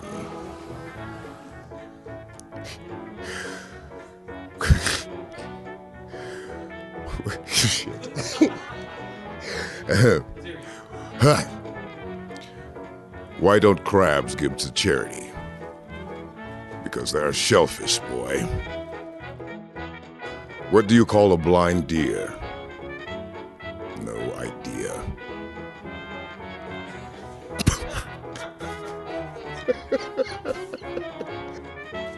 I don't trust stairs. They are always up to something. What do dark elves learn in kindergarten? The alphabet. What, Atreus, is brown and sticky? A stick.